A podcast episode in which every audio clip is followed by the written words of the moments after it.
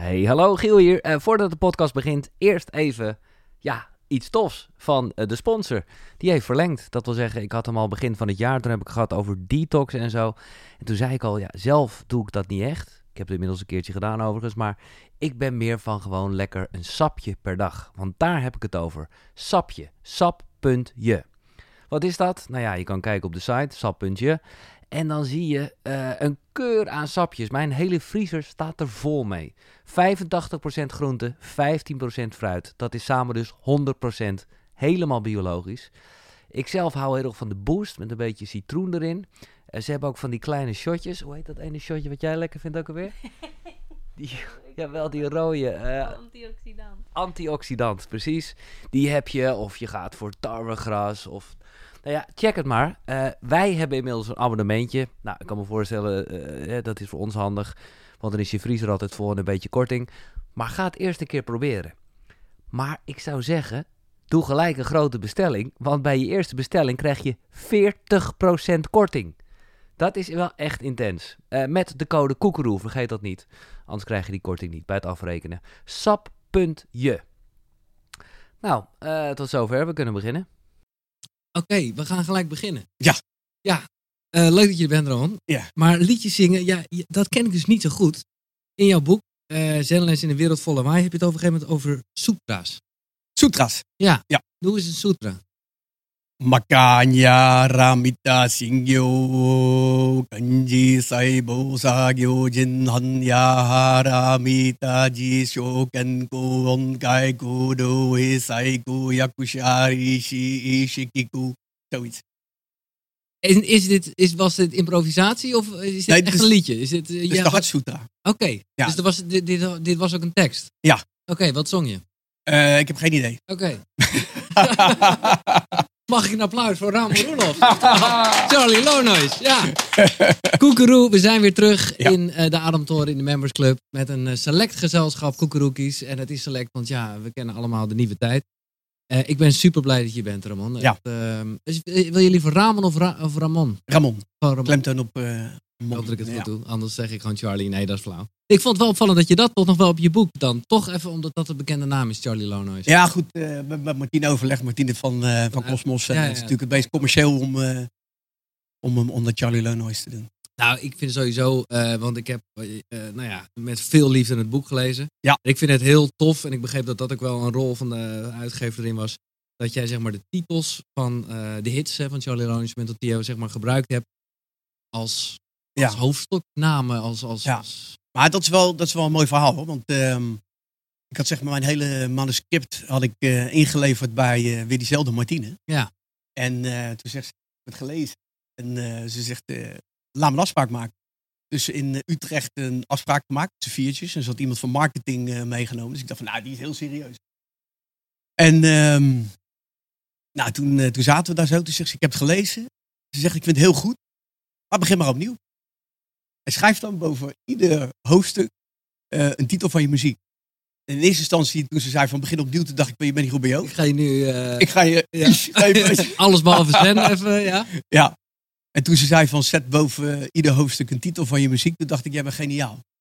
Want zo kon ik zeg maar datgene wat mij de meeste inspiratie geeft. En ja, ook muziek is voor mij ook de spirituele movement, weet je. Dus het? Ja, ja, geweldig. Ja, ja.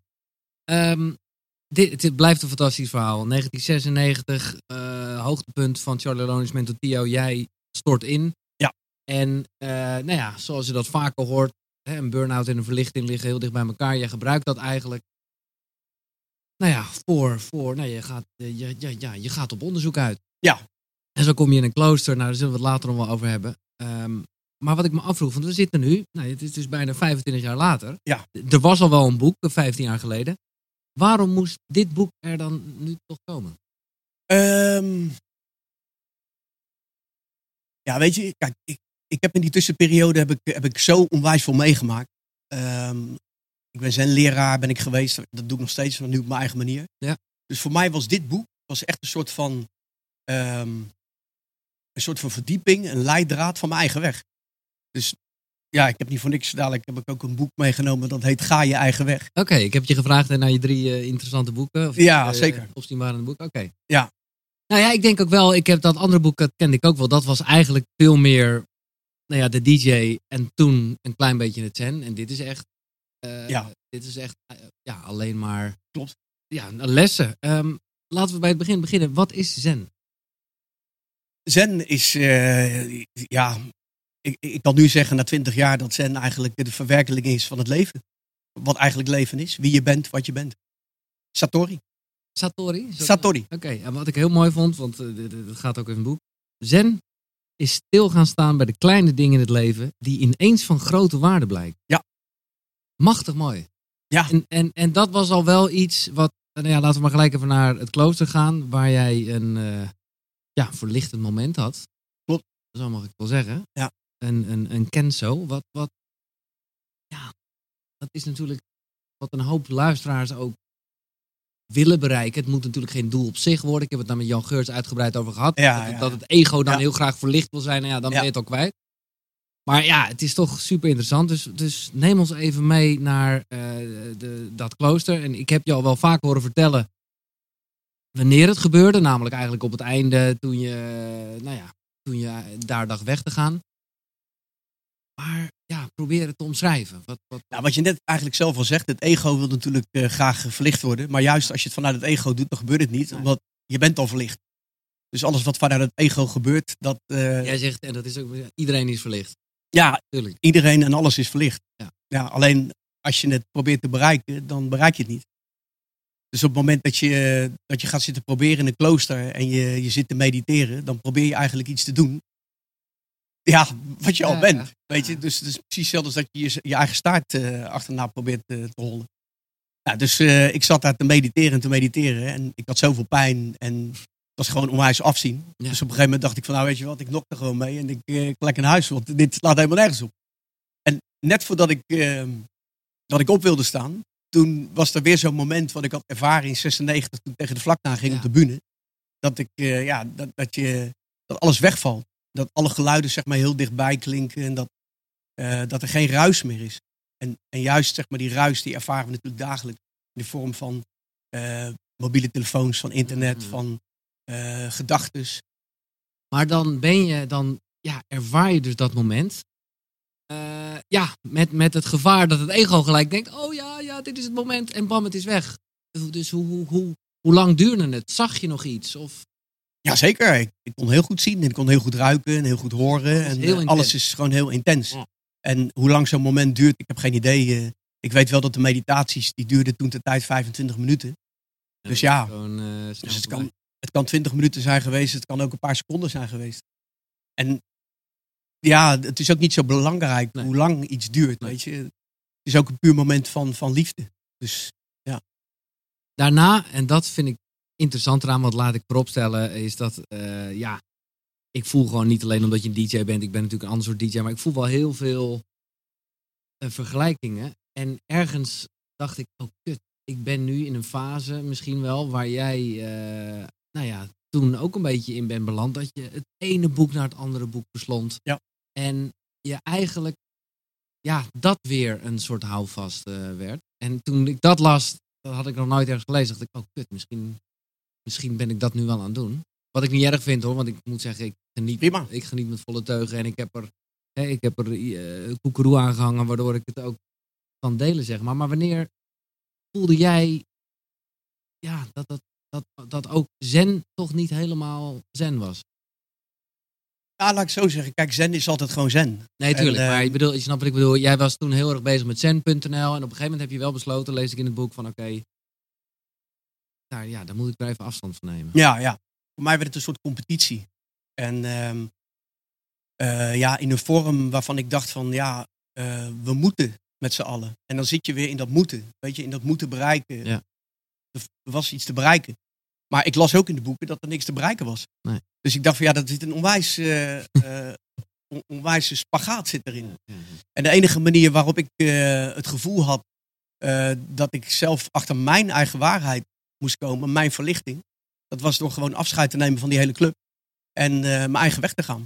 En dat heb ik gedaan. En dat was in het begin was het heel eng, want ik, ehm, ja, in, in eerste instantie vond ik het yes gedaan. Het was ego, was weer zei van je hebt fixed, weet je wel, je hebt afstand genomen. En toen op een gegeven ogenblik, toen kwam ik in een soort zwart gat van wat nu? En toen werd ik ook wel bang van, heb ik wel de juiste beslissing genomen? Ja, ja, ja. Nou, toen, ehm, toen kwam eh, ayahuasca op mijn pad. Dus heb ik zo'n sessie gedaan eh, met de ayahuasca. Een soort van kortsluiting. Dat hele ego wordt eh, om, om... Ja, dan, dan, eh, kort dan zweef je een beetje boven jezelf. Heb ik Ja, ja, precies. verhalen gehoord. Ja, ja, ja, ja. ja, dat was voor mij... Ik was er onwijs bang voor, want ik heb eigenlijk niks met drugs. Ik heb ooit wel eens een half pilletje geslikt. Twee, twee keer half pille- pilletje. De ene keer was, was een vage ervaring. En de tweede keer was superleuk. Maar ik heb er nooit een soort van... ehm, ja, iets van gehad, want ik moet dat doen. Niet om- blowen, niet drinken, niks niet. wel eens een jointje gerookt, Ja, dus die ja. kan te slapen, zo weet je. Ja, ja, ja. En drinken, ja, dat heb ik ook wel eens gedaan. eh. Ja. Maar nooit, voor mij was de muziek was altijd mijn passie. En voor mij was ook de meditatie. En alles wat daar omheen was, dus de- nou, ja, sutra's reciteren, daar voelde ik ook wel dat daar in die rituelen, dat daar ook een hele diepe betekenis in zit. Zoals we in allerlei rituelen, dus dat gesprek dat wij hebben, is ook Ja. een ritueel. True. Daar zit ook een diepe Ja. betekenis in. Ja. En, ehm, maar op zeker ogenblik merkte ik van, ja, ik, ik loop op een dood spoor. En wat dat precies was, wist ik ook niet. Ik moest gewoon verder. Iets in me zei, je moet verder. Nou, afscheid genomen van de club. En eh, ayahuasca gedaan. Een jaartje later. En daardoor vielen daar wat puzzelstukjes op zijn plaats. En niet zozeer dat ik kon, kon duiden van, oh ja, nou zie ik dit of nu doe ik dat. En nou, wat, wat fijn en nu weet ik dat ik daarheen moet. Nee, het is ook het onderbewuste. Hè?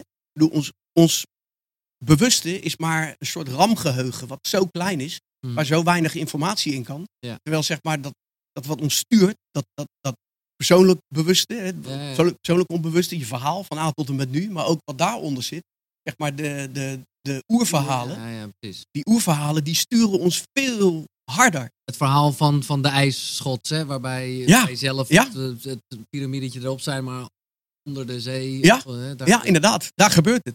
En juist dat kwam vrij. En wat er dan vrij komt, dat weet je ook niet, want het stuurt je, draagt je. En ik ben fucking excited, want ik kan nu zeggen, eh, terwijl we hier zitten bij de opname nog drie weken. En dan eh, ga ik dat ritueel doen. Die ayahuasca. Ja. Ja, nou top. Wat ga je doen? Ja, bij een of andere shamaan die het eigenlijk niet meer doet, maar wel een uitzondering wilde maken. En, Ja. eh. Ja, zweten. ja, ja, ja, natuurlijk. het is Ja. wel een ding, hè? Ik snap het. Ik zat te zweten toen. Ja. Ik zat echt eh, mijn hartslag. Maar had eh, jij, eh, want dat hij zei, ik heb wel natuurlijk een soort voorgesprek gehad. En toen zei hij van, ja, heb, heb jij nog een vraag of zo? Niet concreet een vraag. Ik ben nog heel erg op een andere manier de wereld in mijn leven en, en zo aan het ontdekken. Had jij concreet een vraag? Voordat Ja, ja, zeker, ja. Oké. Nou, hij zei namelijk tegen mij, vond ik mooi, hij zegt, oké, komt wel. Twee weken voordat jij, komt die vraag vanzelf. Dus ik, ik ben Ja. er rustig over. Ja. Maar ik vraag me wel af, wat was jouw vraag? Ik had twee vragen. De ene vraag was, zit ik in de juiste relatie? Dus eh, liefdesrelatie op dat moment. Ja? En de tweede vraag die was, is, eh, is Zen en Ramon, is dat een goede combi? Nou, op allebei de vragen heb ik positief eh, antwoord gekregen. Ja. Ja, ja, ja. de relatie is voorbij. Oké. En, en, maar Zen, dat ben ik nog steeds, maar wel op mijn eigen manier. Ja, ja, ja. Ja. Maar op dat moment, eh, jij, eh, kreeg wel een goed gevoel over die relatie na dat ritueel? Of, Eh, daar was nog een andere stap voor nodig. Ik ging, nadat ik die ayahuasca sessie had gedaan, ging ik een uh, enlightenment intensive doen. Ja. En dat is, dat is een heel ander soort retraite als wat ik tot dan toe had gedaan. Normaal gesproken zat ik een weekend, een week, tien dagen zat ik in stilte. En ehm, ja, dit was een babbelretraite. Ja. Maar dat was alleen maar gericht op één vraag. En dat is, wie, wie ben ik? Wie ben je? Ja. En dat stel je dus eh maar hoe kunnen we, elkaar. ik, ik, ja? ik las hierover, ik werd er wel een beetje kriegelig van, omdat ik, nou ja, maar ik, ik, ik lees jou ook, jij zegt, de intermenselijke ontmoeting, Ja. dat is waar het om gaat in het leven. En ergens voel ik dat heel erg. Tegelijkertijd denk ik inderdaad ook, als jij het hebt over een retreat, ik heb dat nog niet vaak gedaan, ik ben ook één keer bij Mandali geweest, eh, waar ik jou ook over eh, las. En natuurlijk heb je daar contact met andere mensen, vond ik ook heel intens en mooi. Maar wat je zegt, Maar heb je die intensive gedaan? Nee, nee, nee, Nee. nee, nee, nee Ja. zeker niet. Maar want ik vind het dus ook wel lekker om gewoon even zelf op een kussentje te zitten. Of eh, Lekker, ja. waar dan Ja. ook. Lekker wegdromen. Nou ja, het is een beetje in je eigen, eigen wereldje. Maar ja.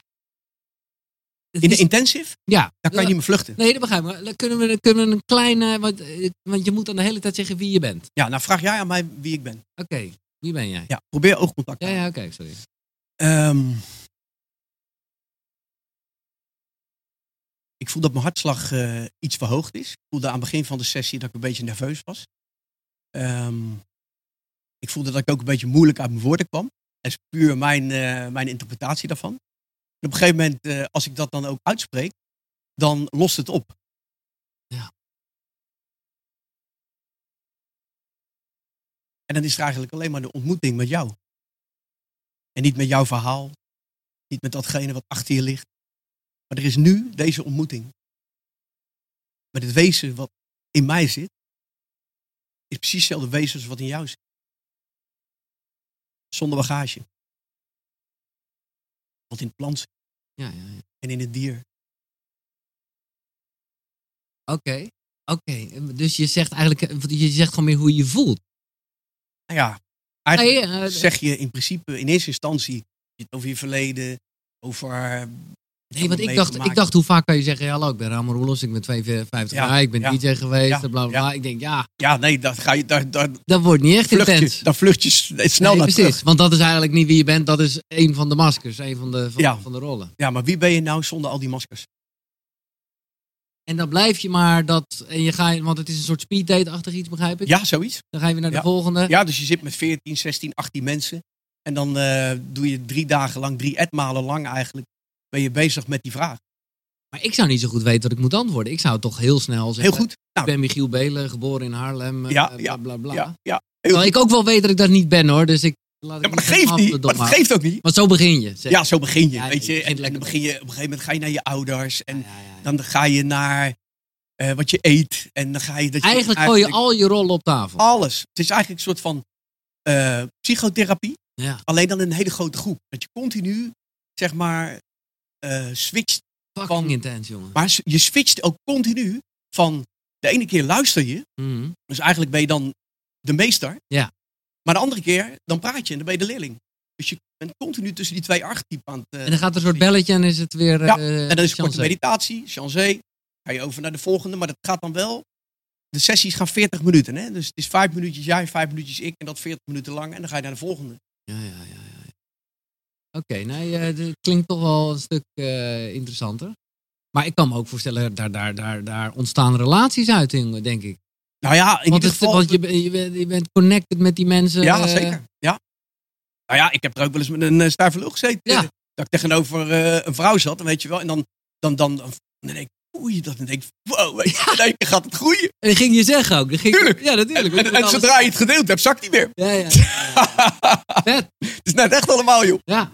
Ja, joh. Nou oké, als we gelijk op dit onderwerp zijn, dan... Ja. ehm, eh, nou ja, dat vind ik mooi. Want tantra is iets wat ook veelvuldig voorkomt hier in de Koekeroe podcast. Ja. En ik heb jou daar nog helemaal niet echt over gehoord of gelezen. Mhm. Dus hoe... eh, ik, ja, jij bent zeker ook op ontdekking gegaan in alles wat met spiritualiteit... eh, of in ieder geval zelfontplooiing te maken heeft. Dus ik, ik bedoel, als ik zeg tantra, dan heb je daar iets mee gedaan. Dat kan niet anders. Nou, nee, niet, Nee? Echt, nee, niet echt intens. Ik heb wel eens mijn tantra-meester gezeten. Ja.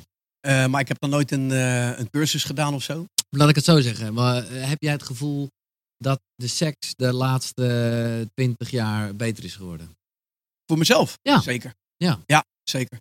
Ja. Ik kan mijn orgasme langer uitstellen en soms ook helemaal niet. Dus, ja, ja, eh, dat bedoel ik. Nou, ja. dat, dat, dat- Oké, dat is voor jou misschien de gesneden koek. Dat, dat, dat, Ja, nee, dat niet. Nee, nee, Vroeger niet. Maar dat- vroeger als, eh, als jonge jongen, weet je, dan eh, wil je zo snel mogelijk tot je hoogtepunt komen. exact. Ja. Dus het is een soort ego-dingetje. Maar jij ook, hebt dat alweer voor elkaar. Jij hebt hem al... jij hebt, ja, nee, ik vind het machtig mooi. Ja, Dus, dus jij hebt al... maar het is puur adem. Het is puur adem. Puur adem, ja. Maar ja. Nee, ik snap het. En ik bedoel, laat ik vooropstellen. Ik zeg heel trots, ik ben er ook echt wel beter in geworden. Maar er komt toch altijd zo'n moment dat je toch overman. En dit is ook prima. Ik, bedoel, ik heb vrede Ja, mee. het is ook prima. Maar het is mij nog niet gelukt om eh, te denken: oh nee, god, ben ik helemaal niet klaargekomen. Oké. Maar jou wel. Ja. En heb je een tip? Focus jezelf gewoon op, eh, op wat anders. Ja, echt waar? Ja. Oh, maar dat vind ik wel een soort oud truc. Dat ik inderdaad aan een schoonmoeder ging denken of een vuilniszak. eh, maar dat, Nou, dat is wel, ik zou niet als ik met mijn vrouw lig eh, aan Nee, de vuilniszak dat liggen. bedoel ik. Dan krijg je een soort smerig gevoel na afloop. Dat je toch... eh, Nee, maar als je jezelf op je adem concentreert, dan, dan kom je al een heel eind. Eh, nou heb jij nu, en ook daar voelde ik een ontzettende herkenning in. En Ja. ik dacht, nou ja, maar jij bent nu nog, jij, jij kan mij nu nog waarschuwen of in ieder geval een wijze, wijze tip geven. Ik, ik las ergens dat jij een soort angst had voor, om kinderen te nemen of te krijgen, of hoe zeg je dat? Ja. Ehm, dat heb je nu, Vader te worden. om vader te worden. Dat heb je nu min of meer, hè, met je huidige vriendin heb je wel een beetje die rol. Ja. Ehm, maar heb je er spijt van? Nee, ik, eh, ik had toevallig had ik vanochtend een, ehm, een interview met eh, Arjan Visser van eh, Trouw. Weet je, Ja, die ja, geboden. Ja, ja, super tof trouwens. Ja. En hij eh, had het over precies hetzelfde thema. Hij zegt van, heb je er spijt van? Eh, zou je niet toch weer... Ik zeg, nee, ik zeg, ik vind het goed, weet je. Ja. En ik vind ook dat je... eh, je kan ook je, je wijsheid op een hele andere manier delen. Ik hoef niet per se biologisch iets door te geven. Ik kan het ook psychisch doen. En dat vind ik heel mooi, zoals ik dat Ja. op deze manier nu doe. Dus dat oergevoel, ik heb dat ook niet echt hoor, maar dat oergevoel heb jij ook niet. Zo van, eh, ik merk dat toch wel, ja, menig man en vrouw dat wel echt heeft. Van ja, ben je, deze, ben je op de planeet om je voor te Nee, nee, en ik geloof ook niet dat, eh, dat wij mensen op, tenminste ik in ieder geval niet, dat ik op de planeet ben hier om eh, fysiek leven door te geven. Nee, ik maar denk, gewoon kennis. nee, ik denk dat we hier zijn om eh gewaarzijn en bewustzijn te ontwikkelen. Voor jezelf. Voor... Ja, ik kan alleen maar voor mezelf spreken, Ja, maar als ik naar de grote tradities kijk en naar de, nou ja, de, tussen aanleidingstekens, de meesters, weet je, dan denk ik dat het zo is. Ja. En wat was destijds eh, de reden om het niet te doen? Was dat angst voor de verantwoordelijkheid? Of bang dat het eh, niet te combineren zou zijn met je eh, eigen leven? Nou, in eerste instantie ehm, vluchtte ik ervan weg omdat ehm, dat ik te druk was met de muziek. Dus ik, mijn passie ja, is muziek, Ja. was muziek. Ja. Eh, dus eh, ja, ik zei, music was my first love, it will be my last, weet je wel, die beroemde, beroemde ja. zin. Ehm, ja, dus dat. En ja, op een gegeven moment had ik een hele lieve vriendin en toen gebeurde het ook niet. Toen zei ik, zat ik nog steeds in datzelfde vaarwater. Dat ik dacht van ja, weet je, eh, ik, ik heb het veel te druk. Toen ik een sabbatical, sabbatical had genomen in 2005, toen merkte ik dat ik ging landen. Toen heb ik wel een periode gehad dat ik fysiek, nou ja, vader wilde worden. Met mijn toenmalige vriendin hebben we het ook geprobeerd, maar dat lukte niet. Nee. Dus het is niet gebeurd. Nee. Nou ja, dat, daar is dan eh, een reden voor. Wat weet ik ook niet. Ehm, ja, zo. Ja. Duidelijk. Ehm, ja, je hebt het heel erg over. En dat is, dat is, dat is ook, denk ik, in de, in de zenwereld. eh, en ik, ik ken het ook wel van naam, maar heel, en je liet het net ook even vallen over. Ja, leraar-leerling. Ja. Ehm, ja, hoe, ja, hoe wordt iemand je leraar? Jij hebt uh, Raoul, hè? Dat is, die kwam in jouw leven. Ja. Raoul Destree, en dat, dat, dat, dat, dat werd jouw leraar. Is dat iets ja, het is voor mij echt een nieuwe onbekende wereld. Hè? Dus is dat iets wat je dan afspreekt? Of zeg je dat nu achteraf van het was mijn leraar? Hoe, ja, hoe werkt dat? Nou, laat ik in eerste instantie zeggen dat een, een leraar is een, eh, een man of een vrouw die loopt met je mee. Dus die, eh, een goede leraar. Loopt met je mee, loopt naast je, is je maatje.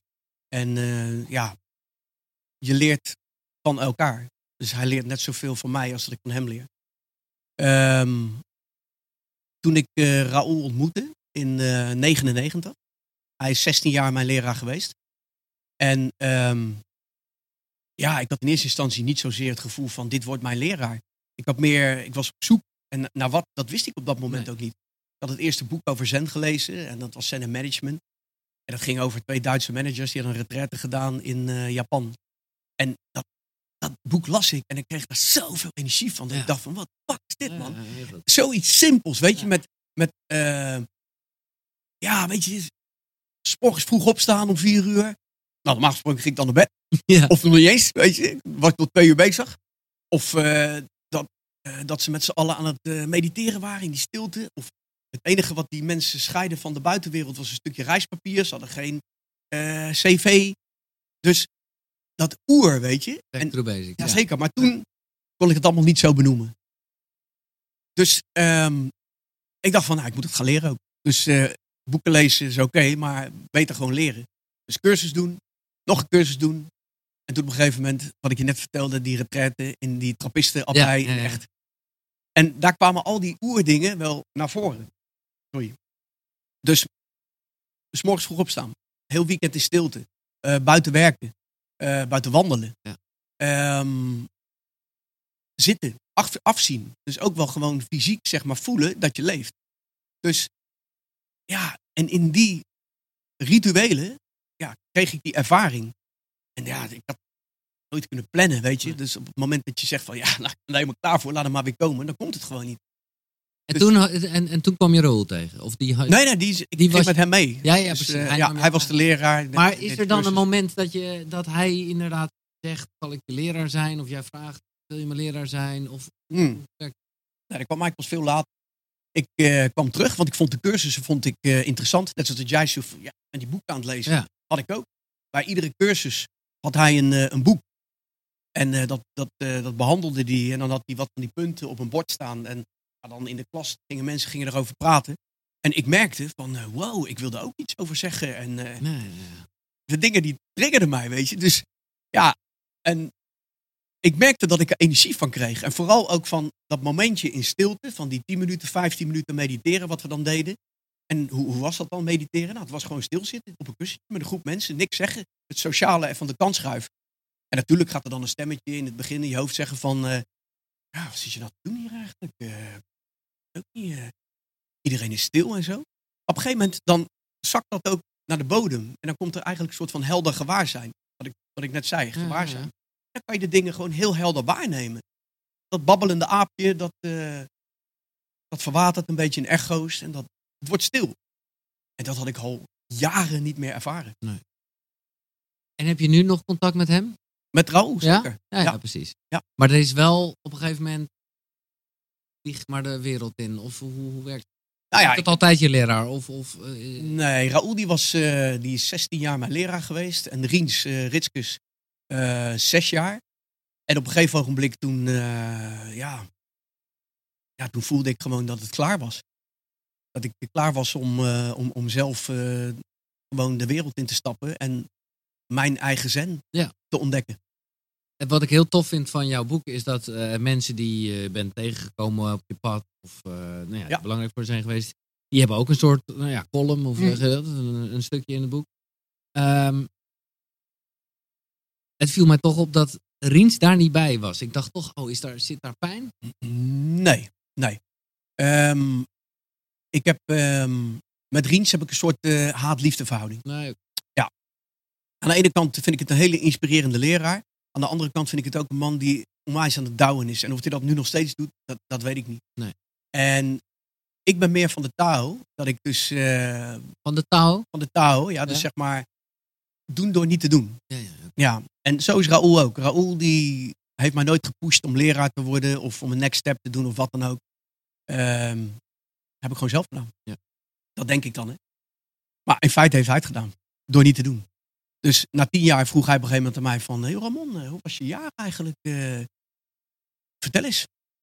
Dus ik zat te vertellen, ja, ik heb een paar keer gedraaid. En eh, ik heb wat retretes gedaan bij jou. Ik heb wat boeken gelezen. En, maar volgens mij ben ik wel klaar voor de next step. Ik zou wel zenleraar willen worden.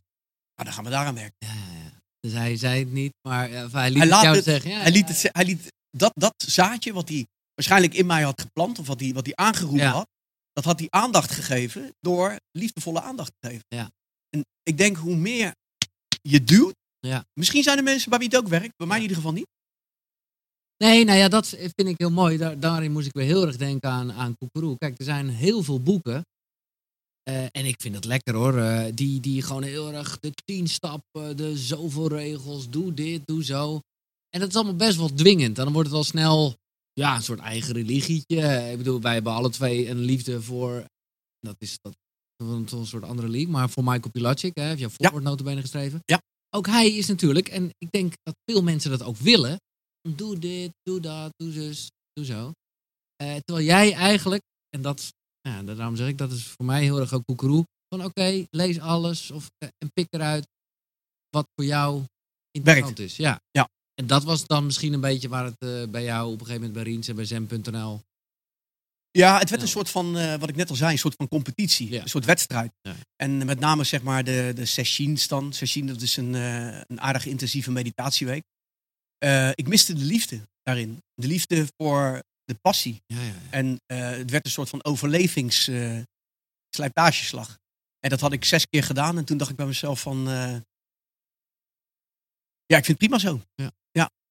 Ah, sterk hoor. En eh, dan, dat heeft dan ook allemaal weer zo moeten zijn, toch? Dat, Ja, eh, absoluut. ja. En anders had ik ook nooit die mensen op mijn pad tegengekomen die naar de hand, zoals Pieter Harper met Enlightenment Intensive, Ja. zoals een ayahuasca-sessie, zoals een Martine Litjens en zo, als een Fleur die hier zit, die, eh, ja, die, die, eh, die dat op een hele andere manier eh, benaderen. Wat voor mij een key scène is uit het boek, eh, maar meer omdat het gewoon heel erg mij eh, aanspreekt en ook, ook, ook, ook waarschuwt, eh, gaat over het feit dat Raoul dan zegt follow your bliss. Maar zeg jij, ik wist niet wat hij bedoelde. Ja, ik wist al waar ik blij van werd. Reizen, bewegen, draaien, muziek maken, de natuur buiten spelen en vrij zijn. Maar ik was ook bang om het heft weer in eigen handen te nemen. Uit angst dat ik daarop zou worden afgerekend en misschien zou worden afgewezen door de groep waar ik bij hoorde. Bovendien was ik bang dat ik eh, alles helemaal verkeerd begreep en mezelf maar iets voorhield.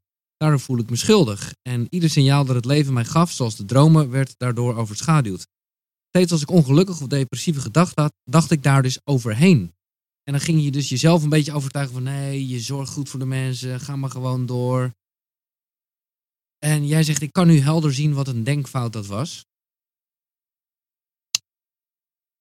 Maar hoe kan je, ja, kan je, kan je iemand behoeden voor zo'n fout?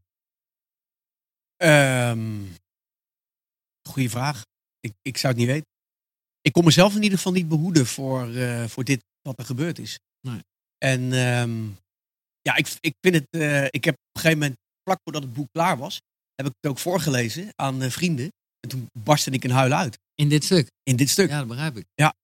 Want eh, ja, ik voelde echt hoe ik daarin zat. En ik had donkere gedachten, weet je. Ehm, ja, dus ik vond het heel triest voor mezelf eigenlijk op dat moment. Wat frappant is, want je was geestelijk gezien al veel verder dan toen je instortte in 96. Je was, je was- Zeker. Was, was, ja, een wijs eh, man. Ja. Misschien was dat ook wel dan een frustratie of niet, maar wel, Ja, ik had veelal veel hoofdkennis. Ja. Dus het was niet zozeer van het hart en van de, Nee, van de buik. Het was meer eh, hoofdkennis. En eh, ja, dus ik moest die volgende stap doen. Dus afscheid nemen van mijn leraren. Ja. Om uiteindelijk tot mijn eigen kern, mijn eigen waarheid te komen. Ja. En dat, eh, dat gebeurde. En, en eh, hoeveel jaar is dit geleden? Dit was eh, in 2011, denk ik. Oh ja, Ja, ja. Ja. En heb je daarna dan ook een stuk minder boeken en zo gelezen? Nee, nee, nee, Nee, zeker niet. Ik, ik nam afscheid pas in 2015. Dus het duurde Ja, wel een tijdje ja, voordat ik echt mezelf kon losmaken van, van de groep. Wat een mooi eh, v- proces, jongen. Ik vind het echt Ja, het is Ja. echt, eh, ja. Maar laten we even naar de boeken gaan. Ja. Ehm, ik heb jou gevraagd, zoals elke gast, en het wordt al echt een hele mooie eh, Ja. bibliotheek zo langzamerhand met allemaal interessante boeken, gevraagd om drie voor jou belangrijke boeken. Ja. Ik ben benieuwd. Begin met je eerste boek. Nou, ik heb, als eerste boek heb ik meegenomen eh, eh, DT Suzuki met inleiding tot het zen-boeddhisme. Eh, voor mijn opleiding moest ik dit boek lezen. Of moest, ja, ja, eigenlijk wel. Het was een onderdeel. Voor je opleiding als zenleraar bedoel Ja, je? Ja, ja, ja, en ik had het boek al veel eerder gekocht. Oké. Dus eh, ik wist het niet dat het... Ja, ik, ik had het al. en ik had, het gekke was, ik was dus begonnen in, eh, in het voorwoord. En het voorwoord, dat is van, eh, van Jung. Ja, en die gebruikt dus, zeg maar, ehm, één zin beslaat bijna een hele bladzijde. Oké, lekker. Dus ik, ik zat daarin en ik dacht bij mezelf, ik snap er gekloten van, joh. Dus ik heb het boek weggelegd en ik heb, ik heb er nooit meer in gekeken. En eh, toen moest ik dus dat boek gaan lezen voor, eh, voor mijn opleiding. Toen zeiden ze, slaat voorwoord over en begin, en begin bij de inleiding en daarna hoofdstuk 1.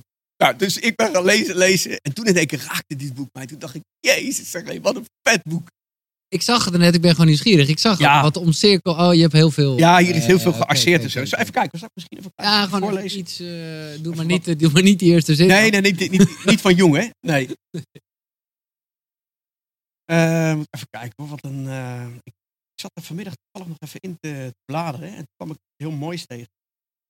Ook, vind het ook echt mooi hoe jij eh, verschillende kleurtjes hanteert. Ja, ja, ja. Maar dat doe ik eh, gewoon willekeurig hoor. Het is niet zo dat ik denk van... Dit is groen, dit is oranje. Nee, dat nee. is eh, oké. Ja, oké, dat is misschien wel leuk. Ja. Onder de vele boeddhistische secten die vooral in China en Japan zijn ontstaan, treffen wij een unieke orde aan. Die er aanspraak op maakt dat zij het wezen en de geest van het boeddhisme rechtstreeks van haar stichter doorgeeft. Dus zeg maar van eh, Shakyamuni eh Boeddha. Terwijl dit niet geschiet door middel van enig geheim schriftuur of enige geheimzinnige riten. Deze orde is een van de meest belangrijke verschijningsvormen van het boeddhisme. Niet slechts uit het gezichtspunt van haar historische gewicht en geestelijke vitaliteit, doch ook door haar buitengemeen originele en stimulerende wijze van betoog. Haar officiële naam is de leer van het hart van de Boeddha. Doch over het algemeen staat zij bekend als Zen. Dat Zen niet hetzelfde is als Dhyana. Dhyana is een meditatievorm. Ofschoon de term Zen is afgeleid van de Chinese vertaling Chan in het uh, Zenna in het Japans. Uit het oorspronkelijke Sanskriet. En dat zal later worden uitgelegd. Lees nog een heel klein stukje. In de geschiedenis van de religie is deze school in verschillende opzichten uniek. Men kan zeggen dat theoretisch beschouwd haar leerstellingen behoren tot het speculatieve mysticisme. Doch zij worden zodanig weergegeven en voorgedragen dat slechts de ingewijden die zich na een hele lange training een werkelijk inzicht in het systeem hebben verworven en hun diepste betekenis kunnen begrijpen. Ik vind niet alleen de inleiding lastig, merk ik wel. Maar, uh, nee, maar dat is ook flauw. Dat is ook omdat het is altijd lekker om het te zien. Uh, nou, in, in, in, in, de basis denk ik wel te snappen wat, uh, wat ze zeggen. Waarom ja. was dit boek voor jou zo'n openbaring? Ja, weet je, kijk, um, wat in dit boek staat, is in feite puur waar Zen over gaat. En ze geven geen antwoorden. Nee. Ze stellen alleen maar vragen en ze omschrijven zeg maar, de leer als in een soort van koan. En een koan is een vraag die je met je ratio niet kan beantwoorden. Want in feite alles wat je voor wordt gezegd, daar leer je niks van. Nee, goed.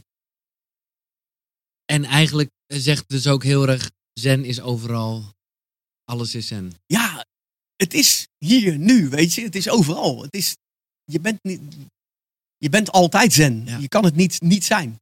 Nee, dat vond ik, ik, ik zit nou eventjes te twijfelen of jij dat nou schrijft of dat ik de recent weer in een ander boek heb gelezen. Maar ik denk dat jij het was. Vond ik echt nice. Dat je kan afvragen wie er eigenlijk meer, ja, noem het verlicht of zen is of whatever.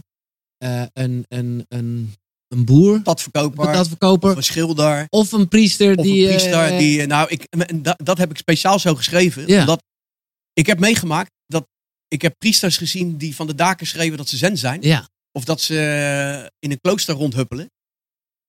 Maar gewoon eigenlijk helemaal geen sparkeling in de ogen hebben. Nee. En niet, niet shinen, weet je wel. En Nee. niet, niet blij zijn. Terwijl als ik op de markt loop en ik zie daar een kaasverkoper. En die staat daar. Wow, die is helemaal hier en nu. En die is helemaal Die in de joint, weet je Ja. wel. Dat ik denk van ja, Ja. dat is toch kicken. Zo waar. Ja, Zo waar vind ik dat. ja. En daarom heb ik ook als kern van mijn, van mijn boek. De rode draad is. Doe hetgene waarvan je ogen gaan glinsteren. Waarvan je voelt dat je leeft, weet je.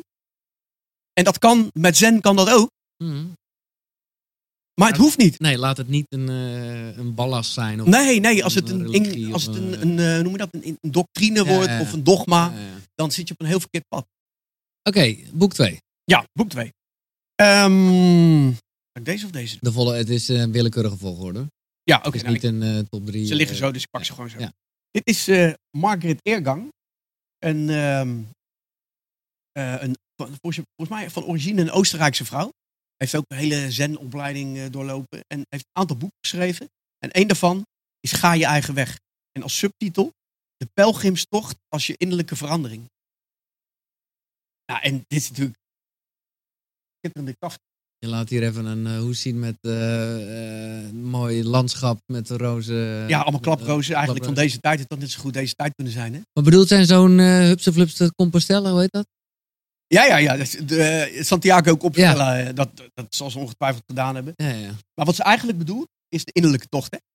Ja. Dus nou, dit boek heb ik ook. Kijk, Oh, kijk. Holladier, dat staat overal volgeklad.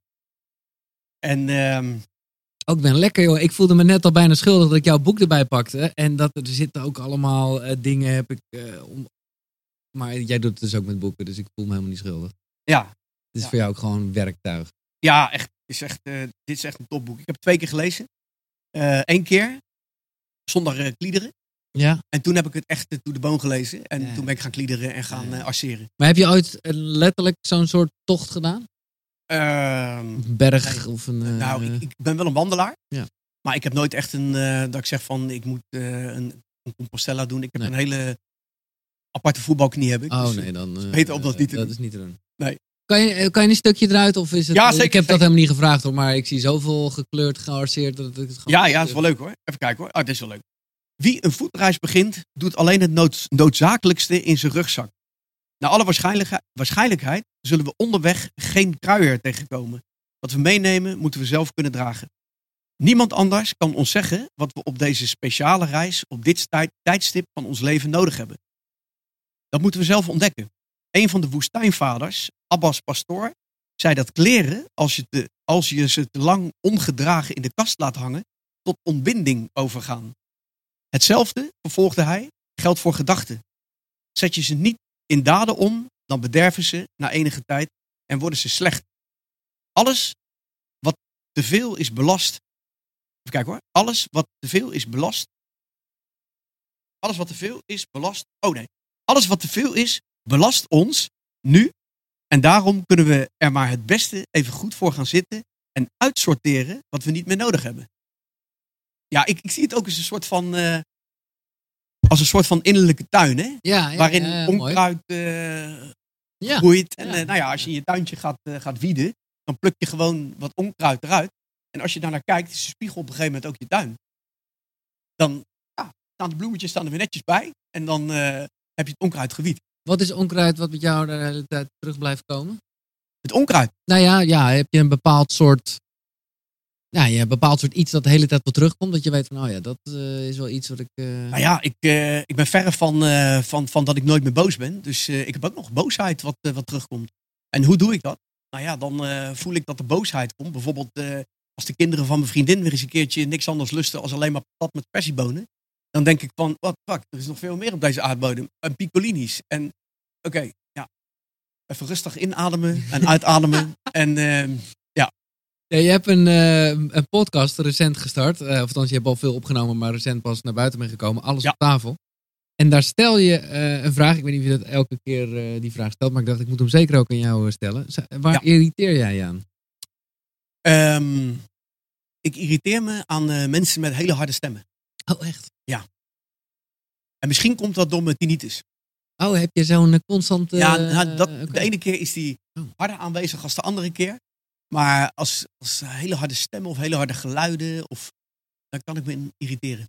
Oh, Maar wat grappig, of nee, helemaal niet grappig dat je het hebt, want het is super kut. Maar ik ken ook mensen die zeggen dat dat iets is wat gewoon tussen je oren zit. Ja, Ja, dat is nou, een- eh, dus dus Ja. en dan, dan zou je toch denken, met iemand met zoveel nou ja, meditatieuren, eh, dan zou je het wel, toch wel eruit gedacht moeten hebben. Eruit gedacht. Nou ja, weet ik veel hoe dat werkt, maar Nee, nee, nee, nee, nee. nee ik denk, kijk, je, je kan zeker op je, op je lichaam kan je heel veel eh, invloed uitoefenen, ook door meditatie. Dus als ik eh, stress heb, dan, eh, dat heb ik nog steeds ook, af en toe, dan, dan komt er bij mij de piep omhoog. ja, precies. Dus Zo werkt het wel echt. zeker voor mij stress echt wel een, Graadmeter, ja, oké. Ja, Ja. met het piepje wat omhoog komt. Oké, eh, ja, laten we naar boek 3 gaan. Boek 3. Nou, dat is wel een van de, de pareltjes die ik, eh, ja, die in de afgelopen jaren gelezen heb. En ik denk dat het zelfs het beste boek wat ik gelezen heb. En het is van Joseph Campbell Oh, en Ik dacht Bill al, als je, als, Moyers. als je niet Joseph Campbell zegt, want dat is de Ja. naam die ik al een paar keer had opgeschreven en Zeker. ook in jouw boek terugkomt als, als, als nee, ik geloof dat je hem zelfs een held noemt. Ja, zeker. Dat is echt wel mijn, mijn voorbeeld en mijn held. Eh, Joseph Campbell, die was, ehm, ja, eigenlijk was die los van alles. Hij was eh, professor, hoogleraar.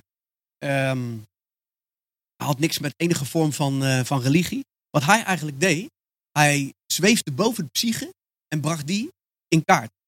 En hoe deed hij dat? Hij, eh, hij hield van reizen. Dus hij reisde de hele wereld af. En hij ging op zoek naar eh, de verhalen in de mensen. En hij merkte op zeker ogenblik, om lang van kort te maken, dat het verhaal van de oude Grieken en de rituelen die ze daar deden niet anders was als bij de Eskimo's in het noorden. En bij de Indianen in het Amazonegebied.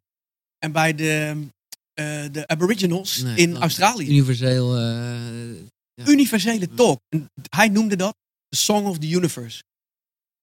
En hij zei ook, hij zegt van, ehm, het gaat er niet zozeer om dat je op zoek gaat naar een bepaalde zin in het leven. Want die is er niet. Iedereen vult dat zelf in.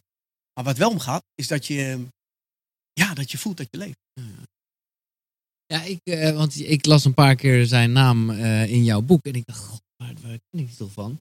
En ik zit dus even in mijn boekenverslindfase. En ik heb een boek van hem, maar het, het lukte me niet om het voor vandaag... eh, want ik vond het best, nou ja, een zware kost. Hm? En dat gaat heel erg over helden en zo. Eh, Ja, je hebt The Hero with the Thousand Faces. Ja. Ja, ja superboek. Ja, oké, Ja. top. Ja, dat, dat, dat boek, eh, nou, ik heb deze Maar meegenomen. dat heb ik dus gekocht. eh, dat, dat, daar kwam, dus, dat kwam op mijn pad. Eigenlijk op een hele andere manier waar niks spiritueels aan was. Maar wat gewoon ging over hoe elke film, hoe elk verhaal Ja. eigenlijk eh, nou ja, gebaseerd is op een ja, gewoon storytelling eigenlijk. Hè? Op een Ja. eh, Nou, bijvoorbeeld, eh, hoe heet die? George Lucas, die Ja, van ja. Star Wars. Ja. hij, eh, trouwens, dit, dit boek is ook film. Dus de gesprekken die hij in het boek eh, voert, is verfilmd. En die staan in een soort van telejac-cursus, staan die op YouTube. hey, Dus als je het boek niet wil lezen, dan moet je gewoon lekker op YouTube kijken. Want, want ja, sorry, dit is een beetje warrig, want ik begin nu over eigenlijk een Ja. ander boek. Eh, Komt wat- ook hierin voor. Hè? Oh, dat komt ook hierin Ja, voor. ja, hij vertelt al die verhalen, dus zeg maar de sprookjes, de mythen, ja. eh, de, de overgeleefde rieten. Mythen en bewustzijn. Mythen en bewustzijn. Ja. Maar George Lucas die heeft dus heel veel gebaseerd op, in, in zijn films ook op wat, eh, wat Campbell zegt. Ik weet niet of jullie die scène kennen van eh, die Skywalker die dan Ik op ben helemaal niet van die shit. eh. Ah, oké. Maar ja, Maar dit- ga door. dit eh, vet. ongetwijfeld luisteraars wel. dan wordt hij dus achtervolgd en dan staat hij op de automatische piloot in die, eh, in die UFO eh, of in, in dat, in dat, in dat eh, ruimteschip. of Zo. Dat gaat dus met mega snelheid. En op een gegeven moment hij zegt ja, ik kan niet, weet je, ik, ik moet de knuppel moet ik zelf overnemen, want anders dan het voelt dat het zo moet. En dan slaat de muziek ook over, want het is eerst alleen maar spanning en dan in één keer komt die muziek pa pa pa pa, weet je wel, en dan pakt hij dus zelf die knuppel. Andere woorden, hij neemt het heft in eigen handen en gaat dus zelf vliegen en dan dan doet hij al die, eh, al, al die vijanden, die, Ja, die schiet hij dan aan flarden. En, eh, En dat is een, een, een hoe zeg je dat? Een, ja, een, iets in een verhaal wat in menig verhaal voorkomt. ja, eigenlijk wat hij zegt is, eh, zoek de vader in jezelf. Ja, ja. Nou, top zeg. Eh, is, hier, is dit een boek om ook een stukje uit te doen? Eh, even kijken hoor. Nou, Ik heb dat dat een beetje in de, in de ruimte lult. Ja, Dan, eh, ja, kan ik ja. even Dat, eh, dan kan ik even zeggen dat op het moment dat je hier ook bij wil zijn, ja, het is dus eh, het is meer exclusiever geworden dan ooit. Wegens, eh, nou ja, een tijd waarin we zitten. Eh, ik, probeer dat, ik probeer gewoon het T-woord te vermijden, omdat ik gewoon hoop dat ik over een paar jaar denk, wat bedoel ik nou? Maar we zitten in een eh, soort nieuwe normaal, wat alles behalve normaal is. Maar waarvan jij wel hebt gezegd ergens, en ik dacht, ah ja, ja zo, de, de- het, het geeft ook wel inzicht. Ja. Het is ook wel een soort, ja, misschien is het begin van een verlichtende tijd. Nou ja, je, heb, je, heb je wat Ik heb een gevonden? stukje gevonden, prima. Ik wil, oh ja, laat ik de zin afmaken. Dus als je hierbij wil zijn, dan kan dat. Eh, dan moet je gewoon even aanmelden via de site. Dat is koekeroe.nl. Kukuru.nl. .nl, cool. Ja. Ja, leuk. Ehm, dit is wel een mooie afbeelding ook, want eh, dit is zeg maar de, de schepping van Michelangelo. Ja, die, eh, precies, van, ja. mooie, eh, Van mooie die, teken. van die vingers tegen elkaar toch ook en zo? Ja, inderdaad. Ja. Ja. van die, die, die vingers. Even kijken hoor. De, de vraag van de journalist die dus Campbell interview is... Wat zegt het feit dat zoveel van deze verhalen... dus wat ik net eigenlijk uitgelegd had... over die, die verhaaltjes over Ja. de hele wereld... eh, dezelfde elementen bevatten. De verboden vrucht, de vrouw, over wat we allemaal gemeen hebben. Bijvoorbeeld deze mythe, deze scheppingsverhalen bevatten een gij zult niet. De man en de vrouw rebelleren tegen dat verbod. En gaan hun eigen weg. Daar is die weer. Na jarenlang dit soort dingen te hebben gelezen, sta ik nog steeds versteld van de overeenkomsten bij culturen die zo eindeloos ver uit elkaar liggen. Maar zegt Campbell, er bestaat een vast motief in volksvertellingen dat we het ene verboden ding noemen. Denk aan Blauwbaard, die tegen zijn vrouw zegt, laat deze kast dicht. En dan is men altijd ongehoorzaam. In het verhaal van het Oude Testament wijst God een verboden ding aan. Ja. Nou, God moet heel goed hebben geweten dat de mens de verboden vrucht zou eten. Maar door dat te doen, werd de mens de initiator van zijn eigen leven.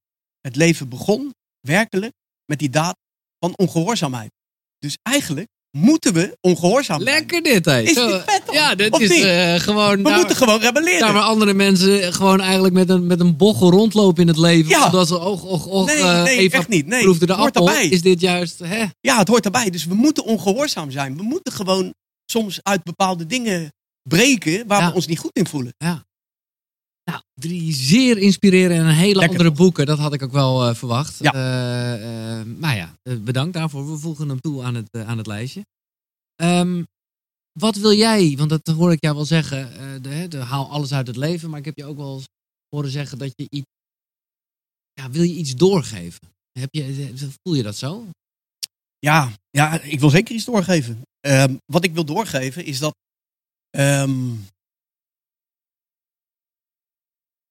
dat het heel belangrijk is om, wat ik net al zei, ehm, gewaarzijn en bewustzijn te creëren. En hoe, hoe bedoel ik dat? Dat bedoel ik dat het zo mooi is als je ervaart dat het wezen dat in ons zit, dat in mij zit, dat dat exact hetzelfde wezen is wat in jou zit. Ja.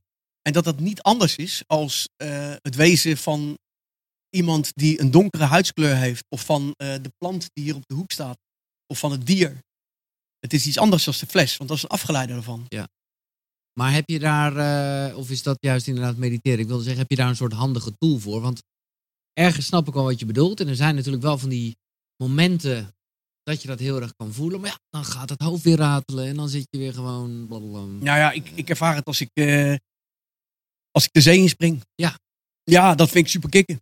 Ik bedoel, eh, voor mij vanmiddag ook nog, weet je, ik had eh, een lange vergadering gehad en ik had 's ochtends met Arjan Visser gezeten. Ja, En op een gegeven moment dacht ik, ja, ietsje, duinen in en lekker die zee in. Hopsakee. Dan Lekker, kom ik daar zo, ja joh. En dan voel je die elementen Ja. en dan sta je in verbinding met Ja. datgene wat het leven is. En dan is dat hoofd, weet je, is maar een klein deel van wat er voor de rest nog hier zo allemaal eh, zit. ja, top. Ja, dat Ja, eh, Wim Hof heeft hier ook gezeten. En ik, ik moet zeggen, ik, nou ja, als ik, ik, ik denk dat ik het niet zo vaak als jij doe. Maar als ik de kans heb om ergens in eh, koud water te Ja, toch? Ik bedoel, ik heb nu al zin om hier... is Als ik dat water zie, heb ik al zin in. Het is wel een beetje hoog, maar... Het is een beetje hoog, ja. ja, sowieso. Als we even naar de rituelen gaan, ochtend- en avondrituelen. Wat, eh, want daar, ja, nou ja, de koud douchen is bijvoorbeeld, het zou zo'n ochtendritueel kunnen zijn. Hoe, hoe, hoe ziet jouw ochtend eruit? Wekker Ja. gaat? Of gaat er een wekker? Eh, ja, ja, wekker gaat. Oké, Ja. gaat. Nou ja, vanochtend ging de wekker om eh, half zeven. Ehm, dan eh, staat eerst mijn vriendin op. Die doet eh, haar ademsessie. Ik heb er lekker uitgeslapen. Ik heb niet gemediteerd. Eh, zij doet dan ook een beetje rekstrek oefeningen. Dan springt Yoga-achtig. Ja, ik heb niet gezien. Ik weet niet wat ze gedaan heeft vanochtend. Dan springt de jongste dochter, die springt in bed. En dan liggen we nog even te kroelen. Nou, dan ga ik mijn bed uit. En dan eh, kleed ik mezelf aan. Dan zit ik naar Nickelode- Nickelodeon te kijken. Heel spiritueel. En dan dat heb ik volgens mij al, al 60.000 keer gezien, hetzelfde Ja. programma. Eh, toen stapte ik in de auto. Nou, dan begint mijn meditatie. In de auto. Yes. En dan eh, zet ik de radio uit. En dan eh rijd ik gewoon van Ridderkerk naar Den Haag. En dan mediteer ik. En dan staat hij op de cruise control? Of Nee, nee, hoe is dat te Nee, combineren? Nee, nee, want kijk, ik denk dat het goed is om, om je van bewust te zijn dat meditatie niet alleen is zitten op een kussentje. Nee, nee, dit is gewoon bewust ademhalen. Is dat, Ja, het is gewoon ja, bewust ja. ademhalen, maar ook bezig zijn met Ja. wat gebeurt er. Eén ding tegelijk doen. Dus autorijden. Ja. Ik ben gewoon aan het autorijden. Oké, en dat d- ja, tot zover de ochtendrituelen. Dus, eh, Of had je iets verwacht dat eh, veel spectaculairder Nee, nee, zijn? nee, ik verwacht helemaal niks. Nee, nee, nee. Ik merk voor mezelf dat ik inmiddels echt een ho- bijna een heel rijtje heb. Maar dat is dus inderdaad veel meer een beetje wat je vriendin doet met yoga en mediteren. En ik merk wel, kijk, jij zegt dan ik heb het vanochtend even niet gedaan. Vind ik heerlijk, omdat het gewoon, het voelt heel vrij. Ik merk dat als ik dat een beetje loslaat, dan, dan doe ik het weer heel lang niet. Dus, dus ik ben er toch, ik ben toch een beetje een, een soort monnik aan het worden, waarbij ik gewoon denk, nee, dat moet gewoon Ja. elke dag. Ja, snap ik. Ehm, en hoe zit het met je avondrituelen dan? Met mijn avondritueel. Ehm, nou, als ik alleen thuis ben, dan... Mijn vriendin en ik die wonen nog gescheiden. Dus zij woont in Ridderkerk, ik in Den Haag. Ja. Als ik alleen thuis ben, dan eh, zou ik niet voor de tv gaan zitten. Dan eh, is het eerder zo dat ik in de tuin, dat ik op de veranda lekker eh, ga zitten.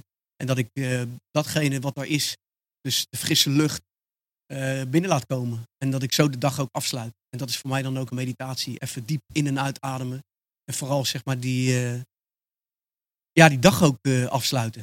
En wat gebeurt er dan? Ja, dan gebeurt er van alles. Het is niet te voorspellen. De ene keer dan, dan zijn er heel veel gedachten. Van wat er allemaal die dag gebeurd is. Of de week gebeurd is. En de andere keer dan is er alleen maar rust en ontspanning. En, Jij eh, zegt dat net even, eh, dat je eh, niet met je vriendin samenwoont. Is dat iets wat je je wel ooit kan voorstellen? Of is dat een bewuste keuze? Om dat niet te, te- Nee, het is zeker, ja, ik zie dat zeker ook gebeuren. om wel samen te wonen? Ja, zeker. Maar vind je dat moeilijk? Ik vraag dat veel meer met Jan Geurts in het achterhoofd. Die, nou ja, die uitgebreid sprak over verslaafd aan liefde zijn. Ja. En die eigenlijk, maar goed, dat is zijn visie hoor. Ik heb zijn ene laatste boek gelezen. Ja, die is bijna zo van, nou ja, het verschil tussen een normale relatie en spirituele relatie. En Ja. eigenlijk zegt hij, wij mensen hebben allemaal wel een plekje voor onszelf nodig. Dan zou je dat ook wel prima natuurlijk in, samen in een huis kunnen. Maar eigenlijk zegt hij, als het niet nodig is, nou ja, raadt hij het niet aan, zeg maar. En ik snap wel een beetje wat hij bedoelt, maar ja, het voelt ook niet, ja. Daarom vroeg ik me af. Nee, ik denk dat het goed, eh, goed te combineren is. Alleen, eh, ja, je moet zeker, wat hij ook zegt, waken voor je eigen space. Ja. En eh, ik denk dat het onwijs belangrijk is om ook je eigen dingen te blijven Ja. doen. En eh, ik heb ook al die lessen moeten leren. Ik wou zeggen fouten gemaakt, maar ik Ja, heb ja. lessen moeten leren. Om niet, zeg maar, in de traditionele relaties helemaal eh, weg te kwijnen. Nee, precies. Want je weet, Ja. dan, dan ben je gewoon ten dode opgeschreven in Ja. principe. Want je kwijnt weg. Ja. Want dan ga, je, dan ga je pleaser worden en je moet echt gewoon ook je eigen ding blijven doen. En juist daardoor denk ik dat een relatie ook leuk blijft. Omdat je elkaar daardoor ook blijft triggeren. Bij mensen. ja. Ja, zeker, zeker. Ja, ja, ja. Met je vrienden blijven afspreken, mannen dingen doen, vrouwen dingen doen eh, als vriendin zijnde. Ehm, een van de dingen die jij omschrijft eh, als, als nou ja, wat ook een handig ritueel kan zijn voordat je gaat slapen, of kan ook 's ochtends eh, wanneer je wilt, dat zijn affirmaties. Ja. Ehm, het is een persoonlijke vraag, dus als je dat helemaal niet wilt doen, dan snap ik het ook. Maar zou je, weet jij een, weet je een zinnetje van jouw affirmaties? Ehm, ik ben de goddelijke energie. Eh, die is altijd in mij aanwezig. Dat is liefde, dat is bereidheid, dat is openheid. Dat is eh, hier aanwezig zijn. Mooi. Ja. Dat is echt een mooie. En is dat zoiets als wat je nou, bijvoorbeeld ook tijdens het autorijden dan nog eventjes erdoor laat gaan? Of wanneer, wanneer, nee, ja, nee. wanneer, Zou kunnen. Ja. Vanochtend is het niet voorbij gekomen. Nee. Nee. Maar die zit gewoon al zo als een soort mantra in je hoofd. Die- Nee, nee, ik, eh, dit, is, dit is niet wat ik, eh, wat ik of wat Nee. in mijn boekje staat of wat dan ook. Dat is wat ik nu tegen jou zeg. Ja, oké, oké. Oh, je zit er te plekken. Ja. Oh, Wauw. Oké, maar heb je, heb je, dat was eigenlijk mijn vraag, heb je wel een boekje? Of heb je het, heb je Maar ik heb in mijn, in Want jij, er iPhone- staan, wel- staan best wel wat leuke eh, of handige tools Zeker, in, in, ja. in jouw boek namelijk. Nee, ik heb in mijn iPhone heb ik een heel rijtje Ja, staan met, met affirmaties. En eh, ja, als ik daar behoefte aan heb, dan ga ik er dan terug en dan, dan, dan zeg ik ze hardop. Ja, ja, ja. Ja. Gewoon meer als je een beetje, ja, gewoon als je het nodig hebt. Ja, zeker. Leuk man. Eh, Ja, weet je wat ik het, wat ik het, eh, het, het mooie vind? Is dat dat wezen in ons is suggestief. Is open voor alles. ja, dat laatste, snap- wat, wat bedoel je met suggestief? Met suggestief dat eh, ja, als je in een heel negatief environment komt en je laat je tezelf, Ja. jezelf te lang Ja. in dat moeras zakken, dan zegt dat leven, hè, het leven heeft daar niks over op te merken. Want over de hele wereld is op dit moment gaande heel veel negativiteit. Ja. Maar je kan jezelf ook bewegen naar het positieve. Dus, en dat wezen is suggestief. Ik, ander voorbeeld. ehm, het 8 uur journaal is... Het meeste wat je er hoort is negatief. Ja. En we zitten er met z'n allen naar te kijken. Nieuws is altijd nee. Kijk jij nog wel? Heel weinig. Ja. Dan liever Nickelodeon. Ja. Lekker gesynchroniseerd. Ja, joh. Helemaal top.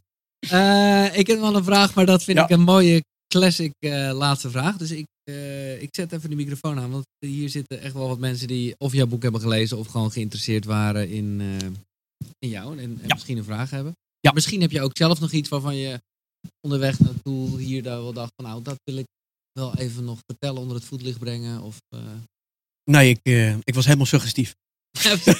Open voor alles. Ja, Open voor alles. Ja, nee, dat vind ik een Ja. mooiere open zin. Ja, leuk. Oké, eh, eh, heb je een vraag? Zeker. Ja.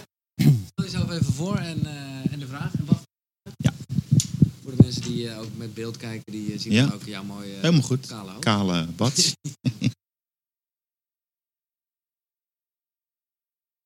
Mijn naam is Jeroen. Eh, Ramon, ik heb een vraag. En ja, misschien heb je hem al een beetje uit de doeken gedaan. Ik heb een dochter en eh, die is eh, 14. Ik ben zelf lijfcoach en ik geef haar nog wel eens tips waar ze niet altijd om zit te vragen. om vraagt en zegt ze, pap, ik heb geen zin in je tips, toch wil ik ze af en toe geven. Wat is jouw tip voor jonge mensen, voor het leven? Ja, eh, voor mij de meest heldere tip is om eh, het voorbeeld te leven. Ja, je kan wel dingen zeggen tegen mensen, maar dat, eh, ja, meestal werkt dat niet. Werkt het Nee. averechts. En ehm, ja, ik denk dat eh, het voorbeeld zijn, dus zeg maar ook het, het voorbeeld echt zijn. Dus, ja. dat is best. Dankjewel. Ja. En Giel, mag ik jou een vraag stellen? ik ken jou eh, voornamelijk, zoals denk ik de meeste mensen van eh, de media, de radio, hè, het mannetje van de radio. Mannetje van de radio. Ehm, wat is het grote verschil met het mannetje van de radio en de Giel die we hier horen en zien? Nou, ik denk dat er eerder heel veel overeenkomsten zijn. Te, ik, ik snap wat je zegt hoor, voor de goede orde. Maar dat, is, dat zeg ik een beetje met ook. Ja, Charlie Rono is hier tegenover Snap mij. ja. Eh, dat het. Ja. Het, het, het ligt zo dicht bij elkaar. Ik heb me dat namelijk wel afgevraagd. Want je hebt eh, dus, nou ja, Ramon slash Charlie Lonos. Je hebt Michael Pilarczyk, die vroeger radiodiscussiever was. Je hebt Patrick Kikker. Dat ik ook denk, wat is dit voor een... Ik heb niet het gevoel dat ik een andere Giel voor me heb. Nee, niet. Nee, Nee. ja, maar het is, ik, eh, om toch antwoord te geven op je vraag. Kijk, je pro, eh, ja, en dat zeg ik nu ook, zeg maar, met terugwerkende kracht. Je creëert iets en je geeft iets door. En ja, natuurlijk is dat in een radioprogramma heel anders. Maar het is, het is, ja, voor mij, ja, het is voor mij heel erg hetzelfde. Ja. Ehm, en ik heb altijd wel heel veel gedeeld als het gaat om ja, waar ik mee bezig was. En, en, en het gekke was, zo ben ik ook echt Koekeroe begonnen, dat ik op een gegeven moment wel, en dat vond ik heel heftig, ehm, ja, bijna een beetje de lol begon te verliezen in de radio. Dat ik gewoon dacht, holy shit jongen, dit is, wat, dit is mijn leven altijd geweest. Hoe kan het? Ik, ja, ik, hè, dat- dat, is dat hele verhaal van de wet van de aantrekkingskracht en zo. Ik wist gewoon dat ik bij de radio iets ging doen en dat lukte. En ineens nou ja, begon daar een beetje twijfel te komen. Of in ieder geval niet meer helemaal voldaan gevoel. Vervolgens ben ik eventjes vol in de sport gegaan. Omdat dat even lekker voelde om iets aan beweging te doen. En daardoor, nou ja, daar, daar, knap je natuurlijk ook geestelijk wel van op. En kwam ik weer heel erg dat ik dacht, oh ja, je kan jezelf ook trainen. Ja. En niet alleen een puur eh, fysiek spieren, maar ook eh, hersenspieren, zou ik maar zeggen. Nou ja, dat is wat koekeroe is. Eh, eh, boeken verslinden. En misschien dat ik over tien jaar zeg, nou ja, ik sloeg er een beetje in door. Maakt niet uit. is niet erg. Nee, is niet Nee, erg. nee, nee, is, is perfect. Heeft het ook weer zo moeten zijn. Weg. Dus het is, het is wel dezelfde Giel. Cosmos ja. is er blij mee hoor. Ja. Ja. Oh, ja. dat is de uitgever voor de duidelijkheid, niet de Cosmos. Oh ja, ja. De- Nee, maar als ik naar jou luister, weer jouw nieuwe pad waar je heel Ja. veel plezier en passie uithaalt, ook weer gewoon gaan delen op de manier die Ja. jij goed kent ja, en kan. maar tegelijkertijd, en dat zie ik dus helemaal niet als een contrast. Net als dat eh, Ramon morgen bij wijze van spreken weer eh, fijn ergens happy hardcore plaatjes kan staan draaien. Ja, eh, kan ik morgenochtend eh, weer iemand eh, ja, beledigen. Dat klinkt dan weer een, Ja. alsof dat een soort doel aan zich is. Maar in ieder geval een hele slechte grap en scheeteffecten Ja. maken. Ja, dat is voor mij niet per definitie heel wat anders. Duidelijk. Dankjewel. Eh, hebben de dames zelf een vraag? Nee, dat, dat zijn die van de uitgevers. Hallo. Hoi, ik eh, ben Nancy. Ehm, ik heb een vraag over, eh, nou ja, je bent drie jaar bezig geweest met het boek, heb ik begrepen. Klopt.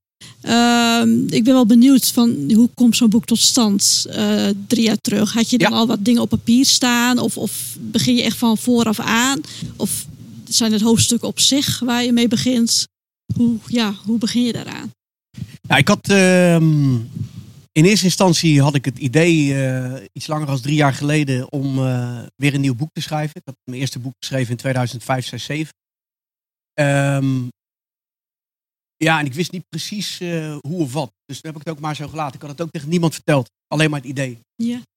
En ehm, toen belden twee dames van een uitgeverij, die belden mij op. En die zeiden van, ja, heb je zin om een, een boek te schrijven? En dat was nog niet van eh, de uitgeverij Cosmos, waar ik uiteindelijk nu het boek heb eh, uitgebracht. Ehm, en toen zei ik van, ja, is prima. Dus toen hebben we gemiet. En eh, toen hebben we een soort kapstok gemaakt. En toen ben ik gaan schrijven. Op een gegeven moment liep ik vast.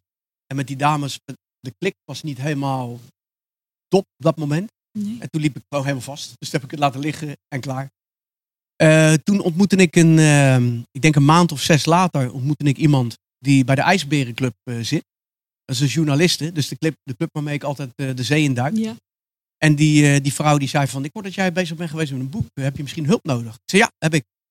Nou, dus toen zijn we samen, zijn we helemaal van datgene wat ik eigenlijk wilde zeggen, ben ik afgedwaald. Dus toen zijn we mensen gaan interviewen. En dat was heel goed om helemaal af te dwalen van Mhm. het- het concept wat ik eigenlijk voor, eh, voor ogen had. Om later, na ongeveer acht maanden, weer terug te keren bij het eigenlijke concept. En eh, zodoende daarna ehm, een vriend. Dat met die mensen interviewen, dat hebben we nergens teruggezien. Dat... Zeker, dat staat in het boek. Oh, dat zijn die, dat zijn die, oh, die, die voor jou in. nee, ik dacht random mensen. Nee, nee, nee, voor, voor jou belangrijke ja, mensen. ja, heel goed. En uiteindelijk, in eerste instantie, werd toen de titel van het boek helemaal omgegooid. Toen dacht ik, weet je wat, ik ga het bijzondere ontmoetingen noemen.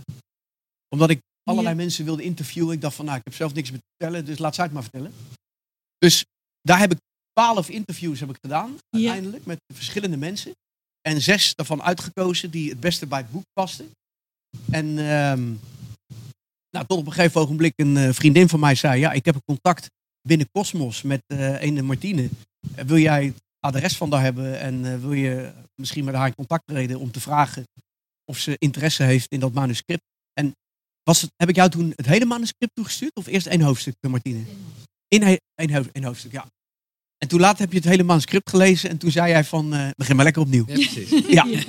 Ja, en, toen, en toen zij daarbij zei, zet boven ieder hoofdstuk een titel van je muziek. Ja, Toen dacht ik van ja, dat is geniaal. ja Want dat- klopt. ja, en toen Ja. ben ik binnen vijf maanden heb ik eh, als een malle geschreven en copy-paste gedaan. Ja, En toen kwam Cosmos met een hele goede vrouw die, eh, ja, die redactie deed. Dus eh, die alles in een heel ander eh, perspectief zette. Maar ja, ook op een hele mooie manier. Ja.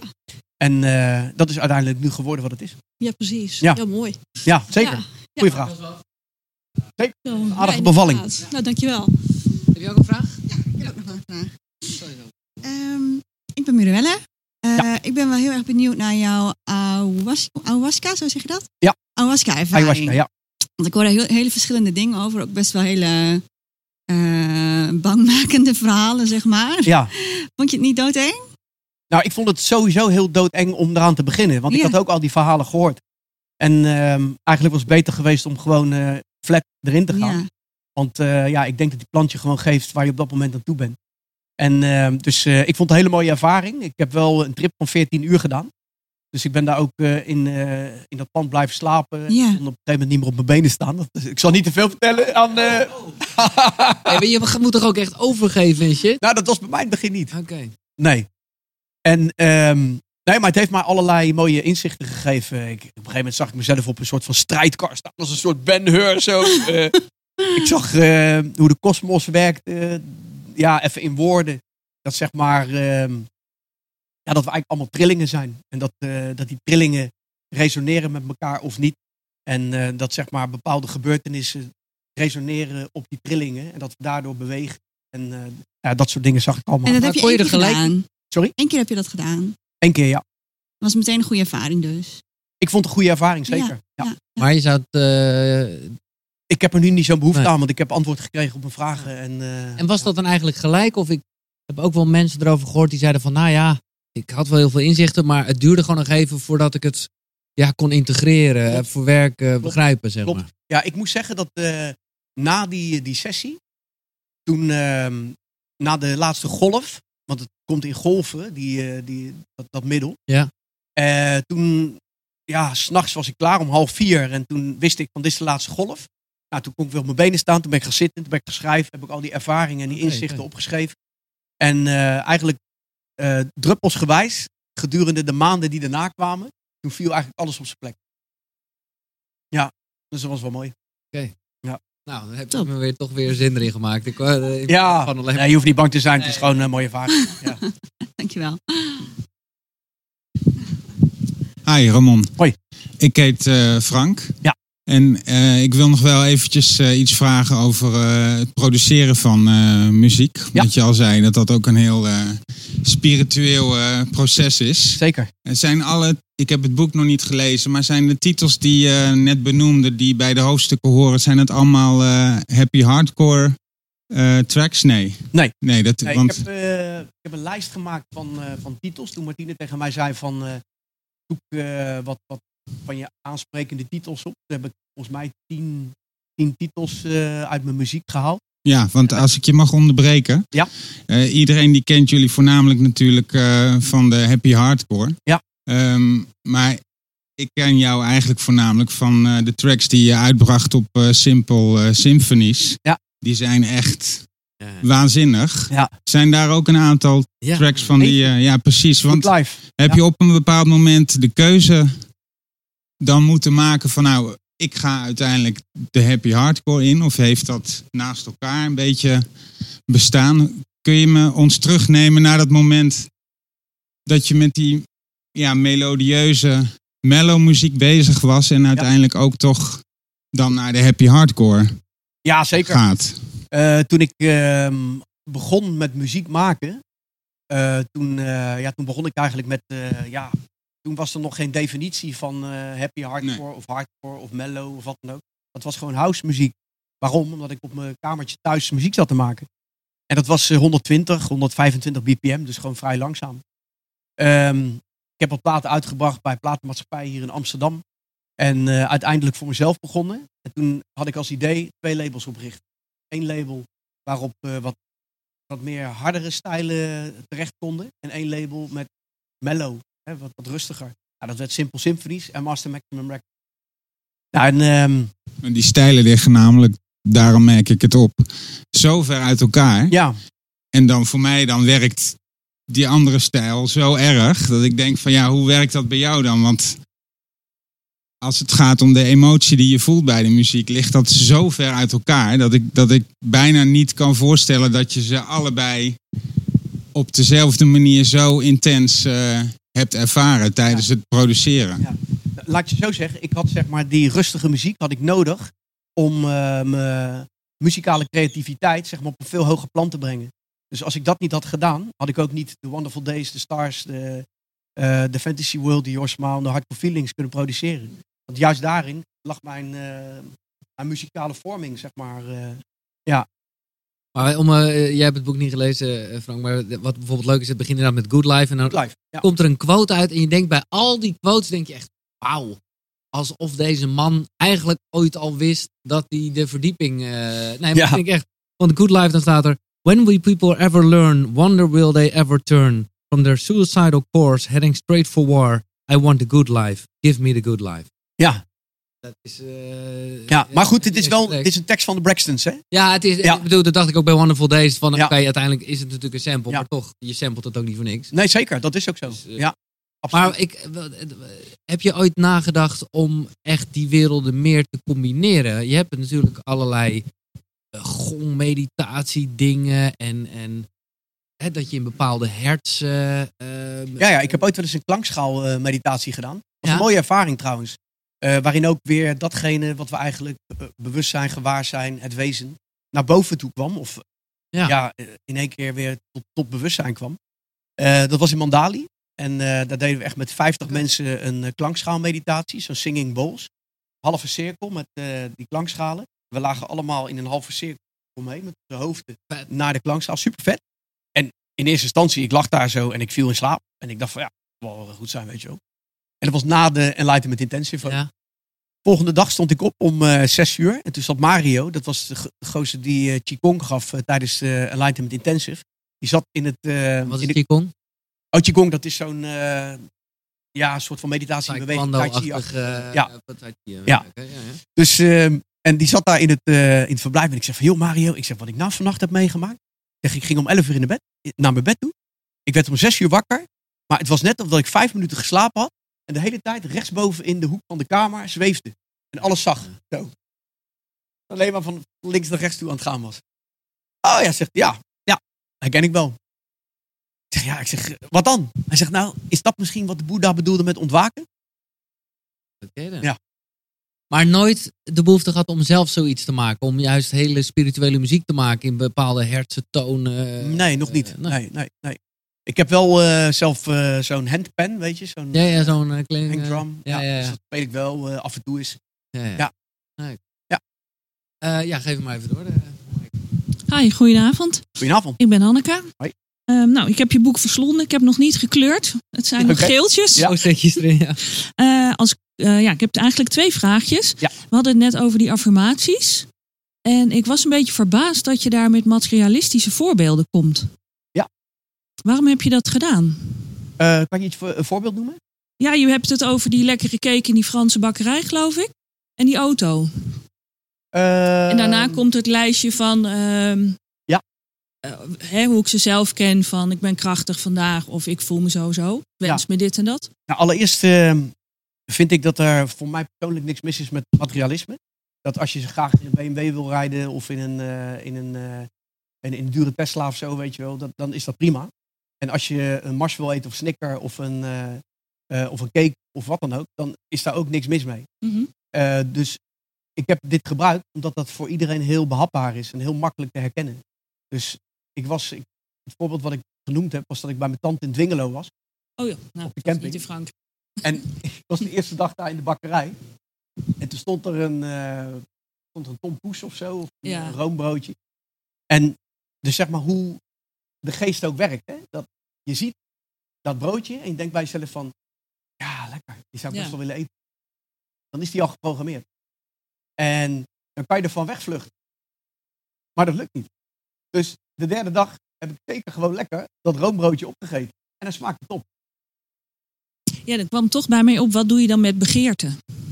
Begeerte. Als je het achtvoudige pad van de yoga's, de yama's, ni- niyama's, Ja. dan heb je natuurlijk je dingetje begeerte. Ja. Dus daar moest ik aan denken toen ik het las. Nou, dan heb ik aan jou de vraag, wat is er mis met begeerte? Nee, niks. Ik verwijt het Als je ook niemand. verlichting wil, wil bereiken, bijvoorbeeld. Nee, maar ik snap wel goed wat punt hoor. Ik, ik, Ja. eh, ik vind het ook heel goed dat je het zegt. Omdat ik inderdaad ook wel merk dat eh, dingen als geld en inderdaad materialistische dingen dan bijna hè, niet oké zijn. Eh, terwijl, ja, ik moet heel erg nu even denken aan rapper Boef. Wat ik een zeer inspirerend persoon vind. Die Ja. ook heel veel jongeren op dit moment aan het inspireren is met een of andere cursus die hij geeft. Die heel erg gebaseerd is op Think and Grow Rich. En dat lijkt in eerste instantie heel erg op eh, ja, grow rich. Eh, maar dat is ook gewoon rijk worden in ervaringen. En hij legt uit hoe hij, eh, toen hij gewoon nog een of andere krantenwijk had, echt bij de Audi-dealer, hij mocht geen proefritje maken. Want dat, ja, ze dachten, er komt zo'n schoffie binnen, wat denk je zelf? Maar hij ging in ieder geval in die auto zitten, hij pakte dat stuur vast. En zo had hij het even gevoeld. En, en twee jaar later kocht hij die auto, omdat hij gewoon al die tijd dat in zich had. Maar ik snap wel wat jij zegt. Dat, eh, dus ik ben ook wel benieuwd wat jij erop Ik- zeggen, Bramon. Want, want, ik, wat, ik begrijp dat wel. Ik ben ook niet tegen. Helemaal niet. Maar het geeft mij, als ik, eh, als ik er wel eens een maandje mee bezig ga, zeg maar. En ik geef toe aan een begeerte bij de rituals of bij, eh, noem het maar op, een fijne winkel. Het duurt maar heel kort. Ja. Dan denk ik, ja, ik heb het gekocht. En Ja. ik voel me daarna een kwartiertje blij met mijn tasje. Ja. En dan is het weg. Ja. Dus eh, toch mooi dat het was daar- alleen... Dat is toch mooi dat je daarvan bewust bent dan? Ja, zeker. Ja, ik bedoel, de rituals, toch heerlijk om af en toe even lekker een Oh ja, maar het is ook allemaal niet verwijtend. sponsor. Maar ik vroeg me af waarom je het noemde. Ja, ja. Dit was afgesproken, hè, dat weet je. Krijg je zo'n goodiebag.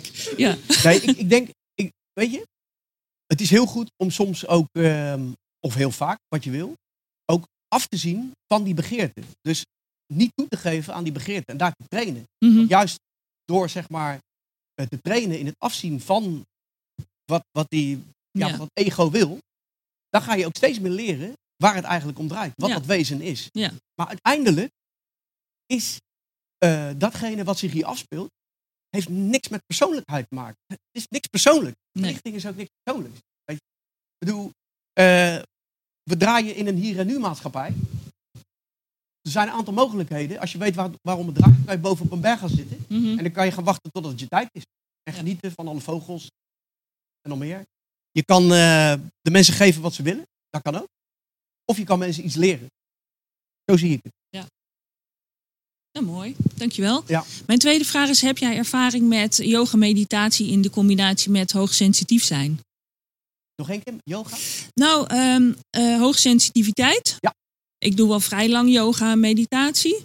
En ik heb het idee, nou ja, je voelt veel, je ervaart veel, je staat open. Ja. Alsof je hoogsensitief zijn dan, eh, ja, niet om negatief te klinken, alleen maar nog een soort zwaarder wordt. Mm. Hoe zou ik dat om kunnen draaien naar dat ik er dan een voordeel van heb? Eh, door te voelen bij jezelf wat wel goed voelt. Want ik, ik begrijp wel, ik denk dat ik wel begrijp waar je naartoe wil. Mhm. Eh, ik, ik zat je als voorbeeld, eh, een van mijn eigen voorbeelden noemen. Toen ik dacht van, ik moet spiritueel worden en ik moet voor zoveel mogelijk mensen in een klas gaan zitten. Toen werd ik echt met mezelf geconfronteerd in de vorm van mijn hoogsensitiviteit. Mhm. Want al die energieën komen allemaal binnen. Mensen die willen iets van je, trekken aan je. En, ehm, maar dat is niet waar, eh, de, is wel een deel, maar niet waar spiritualiteit over gaat. Mhm. Want in feite, en dat klinkt misschien heel eh, egoïstisch, maar gaat het erom dat jij jezelf goed voelt. En dat jij je juiste balans in het leven vindt. En niet dat je zo nodig iets moet doorgeven en jezelf daarin moet verliezen. Mhm. Dit is dol, weet je. Maar daar gaat het niet om. Dus bijvoorbeeld in de natuur wandelen, in de bergen waar ik mezelf heel goed voel, eh, in de zee, in het park. Een eikenboom heeft nooit een identiteitscrisis, wil geen den worden. Een klaproos wil op zeker geen lelie worden. Dus die spiegel, dat soort, dat soort dingen spiegelen. We zien het niet. Hè? Het is zo moeilijk om te zien. Zo eenvoudig. Maar heb jij er last van in groeps yoga sessies, meditaties? Want dat kan ik me voorstellen. Dat zou ik gewoon in jouw Dat geval... sowieso. Ik hoor, ik heb last van snurkende mensen, bewegende bodywarmers. Ja. Dan denk ik, alsjeblieft, ga Ja. weg. Maar, goed, heb, dat kan je toch ook een beetje vermijden. Zeker... eh, nou, ze weten het, dus ze moeten er hard om lachen. Nee, oké. Maar ik bedoel, de- je kan toch ook een hoop dingen in je eentje doen? Maar daarom ben ik hier alleen, toch? Nee, nee, Nee, nee, nee, maar ik, bedoel het meer anders. Je, je bent al heel gevoelig. Ja. En door yoga te oefenen, als je in een standje staat, dan is het natuurlijk de uitdaging om te ervaren wat er dan gebeurt. En daardoor lijk ik alleen maar opener te staan en gevoeliger te worden. En yoga begint pas als je van je mat afstapt natuurlijk. Ja, ja, zeker. Dus ik heb wel tijd gehad en ik, eh, dat ik dacht van, nou, moet ik dit eigenlijk wel doen? Want er komt al zoveel binnen. Ja, snap ik. Ja, met Je kijkt alsof je me niet begrijpt. Nee, ja, ik, ik begrijp het. Ik heb met meditatie precies hetzelfde ervaren. Door heel veel met meditatie bezig te zijn, heel veel te mediteren, ben Ja. ik steeds opener, steeds Ja. gevoeliger. Je wordt er gewoon gevoelig. Ja. Gaat heel erg openstaan. Ja. En daardoor komt alles keihard binnen. Ja. En dan is het de kunst om ook voor jezelf, hè, met dat eh, suggestieve, te kiezen. Maar wat komt er nou binnen bij mij wat me raakt? Wat, wat, wat lief is? Aardig is? Wat me voelt? Mhm. Wat me energie geeft? Kan je de antwoord geven of niet? Stel de vraag nog eens. Wat komt er binnen als jij bijvoorbeeld een yoga-sessie gedaan hebt, afgezien van snurkende mensen of zuige- zuigende mensen of wat dan ook? Wat komt er dan binnen bij jou wat jou raakt, wat, wat, wat, je, wat je geruststelt, wat je die liefde geeft? Eh, samen zijn. Daarom mediteer ik wel in yoga en dat doe ik wel groepsgewijs om dat gevoel te ervaren. Ja. Eh, het brengt me ja, rust en leren, denk ik. Mooi. Ja. Veel frustratie ook. maar het brengt, ja. Jij legt dan nu meer de nadruk op, op de positieve dingen die het me brengt. Ja. Ja, Ja? dat heb ik niet zo goed gedaan. Of niet, dat doe ik niet heel vaak. Oké. Nou, dat lijkt me een goede tip. Ja, dankjewel. Nee, Ja. oprecht. Nee, ja, ja. Ik, ik leg me het meest van, of niet meest van de tijd. Ik, je, je oefent, ik oefen veel, dus het gaat stukken beter. Maar er is geen beter. nee, maar wat ik... eh, ik maar ik, ik kan die zaal ingaan en denken: oh, er zit die vrouw met die bodywarmer. En dan moet ik nog anderhalf Nee, uur. Nou ja, dat is, nou ja, ik ben blij dat je het al zelf zegt. Wat, wat eh, voor mij wel ook goed werkt, is gewoon echt proberen te mediteren op gewoon plekken des hel, weet je Ja. wel. Met gewoon irritante geluiden, fucking veel mensen. Ja. Het- ja omdat dat gewoon wel... Ja, het is, Ja. het is- en dat doe ik dan bewust door, dus het is meer een soort, eh, bij- bijna een spel of zo. Maar ik kan daar wel heel erg lol in scheppen, omdat je gewoon toch merkt dat je zelf bepaalt waar je je op concentreert. Ik mediteer altijd lekker in een DJ-boot met een volle Ziggo Dome. Ja. Ja. Ja, nou dankjewel. Ja. Ja, goede vraag. Goede vraag, Hun. Hoi, ik ben Dana. Hoi. En ik had een vraag. Hoe heeft jouw omgeving gereageerd dat jij eh, dat pad eh, ging bewandelen? Ja. Eh, had je vrienden die dachten van nou, nu ben je echt helemaal lotje getikt? Of heb je misschien vrienden of familieleden gestimuleerd om hetzelfde pad te gaan volgen? Nou, dat heb ik wel geprobeerd. Ik zat wel eens op verjaardagen toen ik nog niet zo lang met zen bezig was. Van, eh, nou, ik heb nu wat jongens, je moet nu luisteren. En dan eh, moet, moet gaan mediteren. En je moet gaan zitten. En je moet zus. Op een gegeven moment zei ze, "Eh, luister, kan je niet over wat anders praten? dus eh, daar ben ik snel mee gestopt. Ja. Theo in eerste instantie, die, eh, ja, die was super positief. Die had toen de tijd dat hij een relatie met een vrouw die studeerde Chinese geneeskunde. En die, die snapte dat helemaal. Mijn vriendin toen de tijd, haar moeder deed aan yoga. Hij heeft zijn bijnaam trouwens wel mee, Mental Theo. Eigenlijk heeft hij een betere artiestennaam dan jij. Ja, eigenlijk Eh, wel, ja. Ja, voor, Ja. voor dit. ja, inderdaad. Ja, er om moeten switchen. Ja. ja, ja. Dus ehm, nee, ik heb, eh, ik heb eigenlijk. Nee, ik kan me niet herinneren dat ik hele slechte reacties heb gehad op, eh, op Nee. datgene wat ik ben gaan doen. Maar ben je er bang voor geweest? Voor die reacties? Nee, nooit. Nee? Nee. En ook mensen wel eh, meegenomen op je pad. Dat ze dachten, hé, hey, dat is eigenlijk toch ook wel interessant wat je aan het doen bent. Eh, Zeker, ik denk dat ik het nu ook, Leer eh, mij wat ja. daarover. En dat zij eigenlijk ook hetzelfde pad Ja, ja, de school die ik gehad heb. Ja. en, en nog steeds. Ik bedoel, via social media deel ik, deel ik quotes. En ja, ik denk ook dat als ik voor mezelf spreek, is het voor mij ook goed geweest om op een gegeven moment ook een switch te maken van leraar in fysieke vorm op een school. Wat ik nog steeds wel doe hoor, maar wel op mijn manier. Ehm, en ook te zien van wat ben ik nou werkelijk, weet je. En ik zie in mezelf ook wel een soort boodschapper. Die, eh, die een boek schrijft, die dingen deelt met mensen, die dit doet Mhm. met jullie. Dit, hier krijg ik energie van, vind ik geweldig. Ja. Eh, vind ik echt super tof. Dus eh, ja, alleen maar leuk dat jullie hier zijn ook. Ja. Heb je nog de ambitie om een eigen centrum eh uit te starten? Nou, ik heb eh, die ambitie eh, en, en die droom lang nagejaagd. En ehm, ik denk dat ik hem echt moet gaan loslaten, zodat hij op mijn pad kan komen. Oké. Want het is me niet gelukt om een locatie te vinden. En het is me wel gelukt om locaties te vinden. Ja, ja. Maar dan ging ik naar de gemeente en dan liep ik tegen allerlei Ja. bureaucratie aan. En het lukte me gewoon niet om... eh, daar ben ik helemaal niet goed in. Want dan... dan, dan Regelen. nee, ja. dat, Nee, dat dat is voor mij is dat helemaal niks. Oké, dus ergens heb je het nog wel, maar je laat het vooral even los van de gebeurde. Zeker. Dankjewel. Ja, ja bedankt. Ik ben Marcel. Hoi. Ik zal proberen niet te hard te praten, om jou niet eh, te veel te irriteren met mijn stem. Eh, eigenlijk wilde ik een soortgelijke vraag als mijn vrouw stellen. Dus ik geef een Giel. Ja, Als het oh, kan. ik, eh, ja, ja, nee. Je hebt veel ochtendrituelen, zeg je. Ja. Je bent een vroege vogel, dat Ja. ben ik ook. Ja. Je doet ook veel slapen, heb ik je horen zeggen. Ja. Dat je dat belangrijker vindt. Ja. Kom je daar nooit ook mee in de knoei? Nou, vanavond. Hoe laat ga ik er nou uit? Vanavond en ik wil dat en dat en dat doen? Ik bedoel, eh, dat, maar dat weet ik dan dus ook. Dus dan weet ik ook echt dat ik na mijn programma dat ga inhalen. Omdat ik echt, nou dat heb je goed opgemerkt. eh, vroeger was ik echt in de categorie slaap. eh, het leven is te leuk om te slapen. maar daar heb ik wel een hoop inzicht in gekregen. En ook gevoeld dat ik dacht, oh ja, het is eigenlijk is slapen natuurlijk ook aan zich een soort spiritueel iets. Dat je denkt, holy shit, wat gebeurt er eigenlijk Ja. allemaal? Eh, maar wat ik dus wel ben gaan doen, en dat is inderdaad best wel extreem met al mijn vroege wekker, maar is dat ik op een gegeven moment besloot dat ik, ik stond altijd om half vijf op. Ja. En op een gegeven moment dacht ik, oké, ik ga om half vier opstaan. Ja. En eh, ik heb er geen Goddess Hour. ja, maar het is echt lekker. En ik, ik bedoel, ik merkte het aan collega's de- tegen wie ik het niet had verteld, die daar toch ineens zo hadden van, jezus, wat kom je rustig binnen? Of, Ja, eh, ja, ja, ja. Maar ik weet eigenlijk niet, wat was je vraag? Ja, of ik daarmee Nou in de knel kom met je dat... dat- Kijk, ik kom er zelf wel eens mee in de Ja, knoei. heel van- erg. Dan heb ik een hele lijst van dingen die ik wil doen. Maar Nee, ja, zeker. dat, eh, dat, Nee, eh, dat blijft... eh, Dat ja. blijft ook een soort eeuwige strijd. Ja, exact, ja. maar wel op een En af en goede toe eens een manier. keertje schrappen. Af en toe, precies. En ik heb, en ik, dat is een soort mindfuck. En ik weet dat het eigenlijk niet werkt, maar toch, het voelt goed.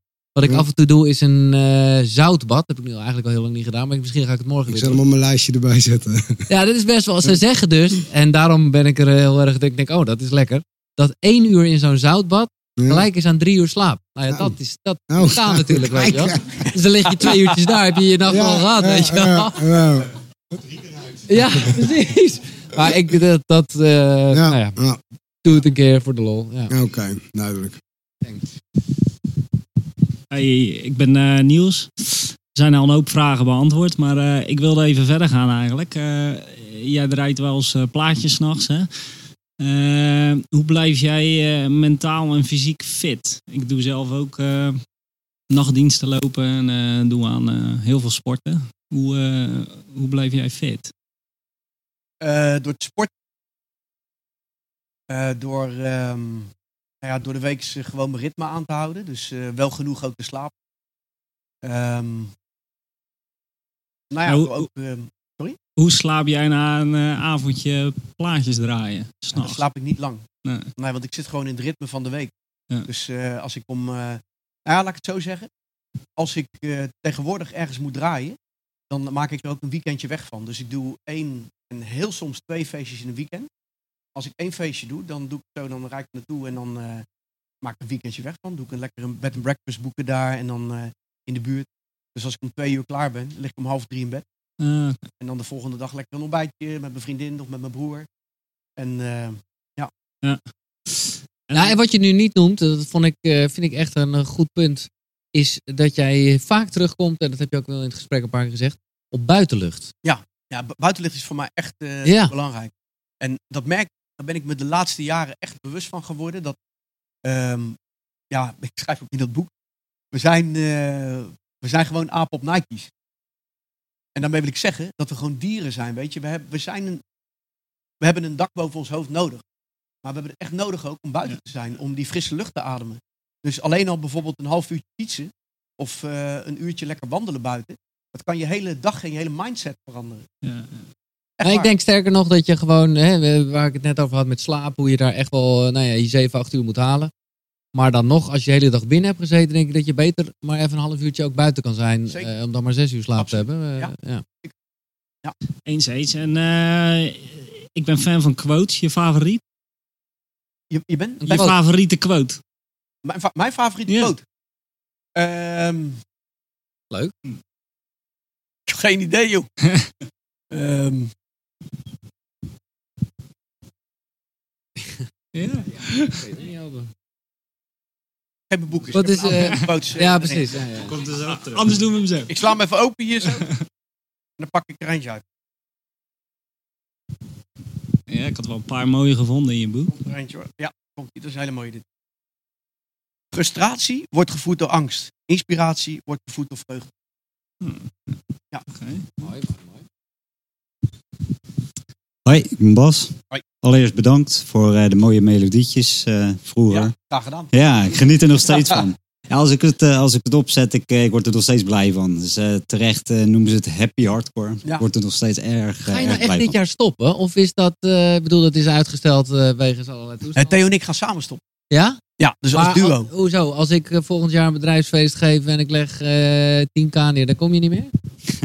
Ja, ik kom wel. En, maar, en als ik Theo erbij boek?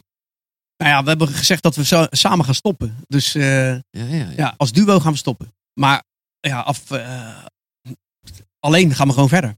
Ja, ja, ja, ja, ja. Ja, ja, ja, ja, ja. Ik bedoel te zeggen, als, als iemand jullie alle twee dan boekt. ja ik weet het ook niet, Fleur. Zoals mijn boekingsagent, eh, kan jij er antwoord Ja. op geven? Ja, Ja, dat kan dus niet meer. Nee, je kan ze niet samen boeken. Nee, oké, sorry. De- Ik Ja. interrupeer je vraag. Geeft niet. wel knallen. Zeker. Nou, we hadden eigenlijk eh 18 april natuurlijk die Ziggo Dome eh, staan. Ja. En eh, nou ja, dat is uitgesteld nu door corona. Dus Ja. 31 oktober. En, ja, het zien. Knallend eh, eruit. Misschien ook nog later, ja. Je hebt diverse heftige meditaties gedaan. Ja. Ehm, je hebt een intensive gedaan. Ayahuasca, je hebt vast nog veel meer gedaan. Sesshin en eh, ja. Echt heftige dingen. Ja. Ehm, je hebt antwoord gekregen in je ayahuasca. Ik ben daar eigenlijk ook wel heel erg benieuwd naar. Nou, jij gaat het eh, over drie weken doen, Giel. Ehm, ik heb ook wat vragen. Ehm, maar als je nou het verschil en de overeenkomsten eh, met die meditatie, wat jij eruit hebt gehaald, als je dat in een paar woorden zou moeten, moeten gieten.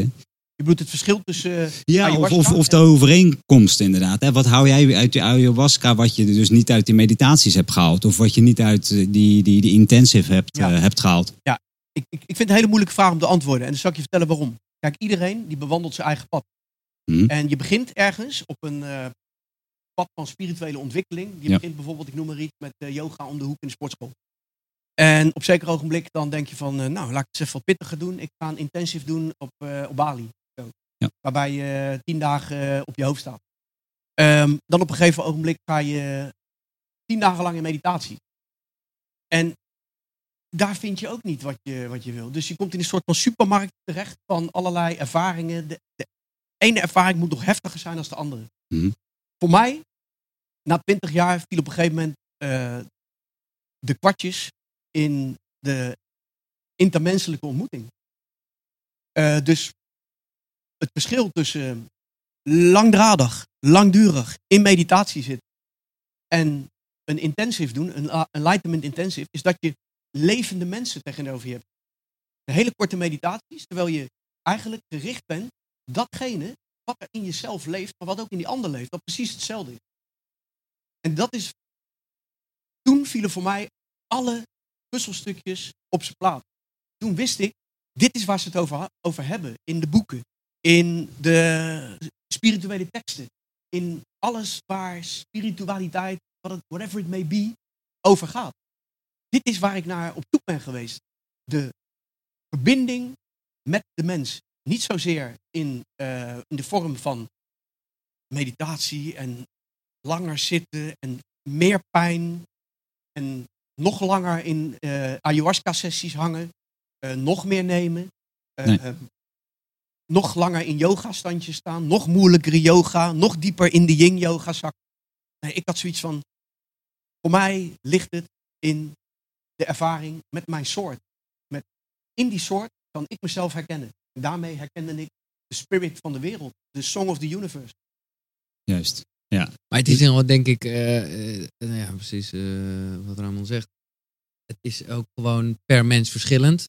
Mhm. Ook nog eens een keer welke fase in je leven je Uiteraard. zit. Dus het is, ja, het Ja. is een soort moeilijke cocktail. Jij pakt er nog even je boek. Ja, het, is, het is erg leuk om misschien nog even iets voor te lezen uit het boekje van, eh, van die Suzuki. Niet verwarren met die gozer die ook eh Hm. motor... Ja, want Giel, ik ben wel heel erg benieuwd. Over drie weken ga jij het doen. Ja. Ga je daar een eigen podcast met jezelf over? eh, Ja, ik, Ja? maar ik geloof wel dat, want ik ben natuurlijk weer zo'n eh, exhibitionist, dat ik het gewoon denk, oké, we gaan het filmen en zo. Eh, maar ik geloof dat dat niet helemaal de bedoeling is. Daar moet Nee. ik het nog even met hem over hebben. Ja. Ik wil er overigens voor de luisteraars bij zeggen dat, want het blijkt, eh, de- het moet ook weer niet een soort promopraatje worden voor dat ritueel. En het is ook niet dat je het eventjes bij de DA-drogist kan kopen. Nee, zeker niet. Nou, wie weet. Ja, wie weet eh, binnenkort. Maar eh, nee, ja, je gaat het zeker horen via Koekeroe wat, eh, wat ik daarmee maak. En eh, absoluut. Gaaf. Ja. Super. Ik Dankjewel. heb wel een toffe hier zo. En eh, nogmaals, misschien is dat niet wat je wil horen. hoor, Want eh, me- meestal hebben we filters aanstaan. Dan wil ik alleen maar spirituele teksten horen. Dus aanhalingstekens. Een koffie- Confuciaanse geleerde schrijft. Zij zoeken de waarheid te ver van henzelf. Terwijl het vlak bij hen is. Hetzelfde kan gezegd worden van zen. Wij zoeken dus zijn geheimen daar waar zij het minst waarschijnlijk zijn te vinden. Dat is in woordabstracties en metafysische spitsvondigheden. Terwijl in werkelijkheid de waarheid van zen, whatever it may be, kan ook yoga zijn of eh, weet ik wat je, wat je aan het doen bent. Terwijl de werkelijkheid en de waarheid van zen ligt in concrete dingen van ons dagelijks leven. Dat is het. En dan staat er bijvoorbeeld daarna, hoe wonderbaarlijk, hoe wonderbaarlijk vreemd, hoe meer, miraculeus is dit. Ik put water en ik draag brandhout. Ja. Punt. Ja, mooi. Mooi, mooi, mooi. Ehm, hoe kijk je aan tegen de dood? Tegen de dood. Ja, ik had nog één vraag en ik dacht, dit is een mooie laatste vraag, weet je wel. Eh, die bestaat niet. Die bestaat niet. Nee. Want? De dood is ten eerste een woord. Ja. Ten tweede, ehm, datgene wat voor mij was, wat in mij is en wat na mij is, is er altijd. En dat is hetzelfde als wat in jou is. Dus als deze vorm hier ter plekke nu dood zal neervallen, gaat het leven gewoon door. Ja, ja, ja, ja, ja, ja, ja. Nee, eh, ik ga dit ook terugspoelen en nog een keer luisteren. Maar ik hoor wat je zegt. Maar hoe je het went of keert, is gewoon eventjes de burgerlijke stand. Is meneer Roelofs er gewoon niet meer. Ja, nou, dat, dat is top. Maar ik wil, ja, maar ik wil ook niet zeggen dat ik meer Roelofs ben. Nee. Nee, nee, nee, zelfs dat. Nee, precies. Zelfs daarboven. Vet man. Ik ga je toch wel eventjes Ramon Roelofs noemen of eh, Charlie Ronois. Super fijn dat je er was. Mag ik een applaus voor deze man. Zenles in de wereld vol mij. Graag gedaan, man. Ja, top. Echt, thanks. Super. Ja, ik vond het echt eh, super interessant. Je hebt echt... eh, En jij bedankt voor het luisteren. Echt fantastisch dat je tot zover hebt gered. Want ik durfde het van tevoren niet te zeggen, maar de geluidskwaliteit was echt heel slecht. Ja, hè? ja. Maar ik dacht, ik zeg het niet, want het is zo'n goed gesprek en dan ga je eraan storen. En eh, nou ja, nu hoor je hoe het ook wel kan klinken.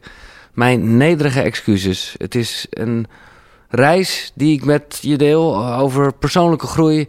En nou ja, dat gaat over spiritualiteit over het algemeen, maar ook in dit geval een beetje over techniek. Zeg dit nou niet tegen anderen. Ik zou het leuk vinden dat als je het een tof gesprek vond, dat je er iets over deelt op social media. Tag me vooral eventjes, Giels, G-I-E-L-S. Maar zeg maar niet iets van die geluidskwaliteiten. Ja, wat je wil ook. en meer info vind je op de site koekeroe, koekeroe.nl. En daar kan je ook eh, videobeelden zien bij dit gesprek. Je kan als eh, eerste eh, langskomen. En maar ja, je vindt gewoon veel meer. Misschien steun je muziekkids ook nog wel. Koekeroe.nl. Tot de volgende. Hoi.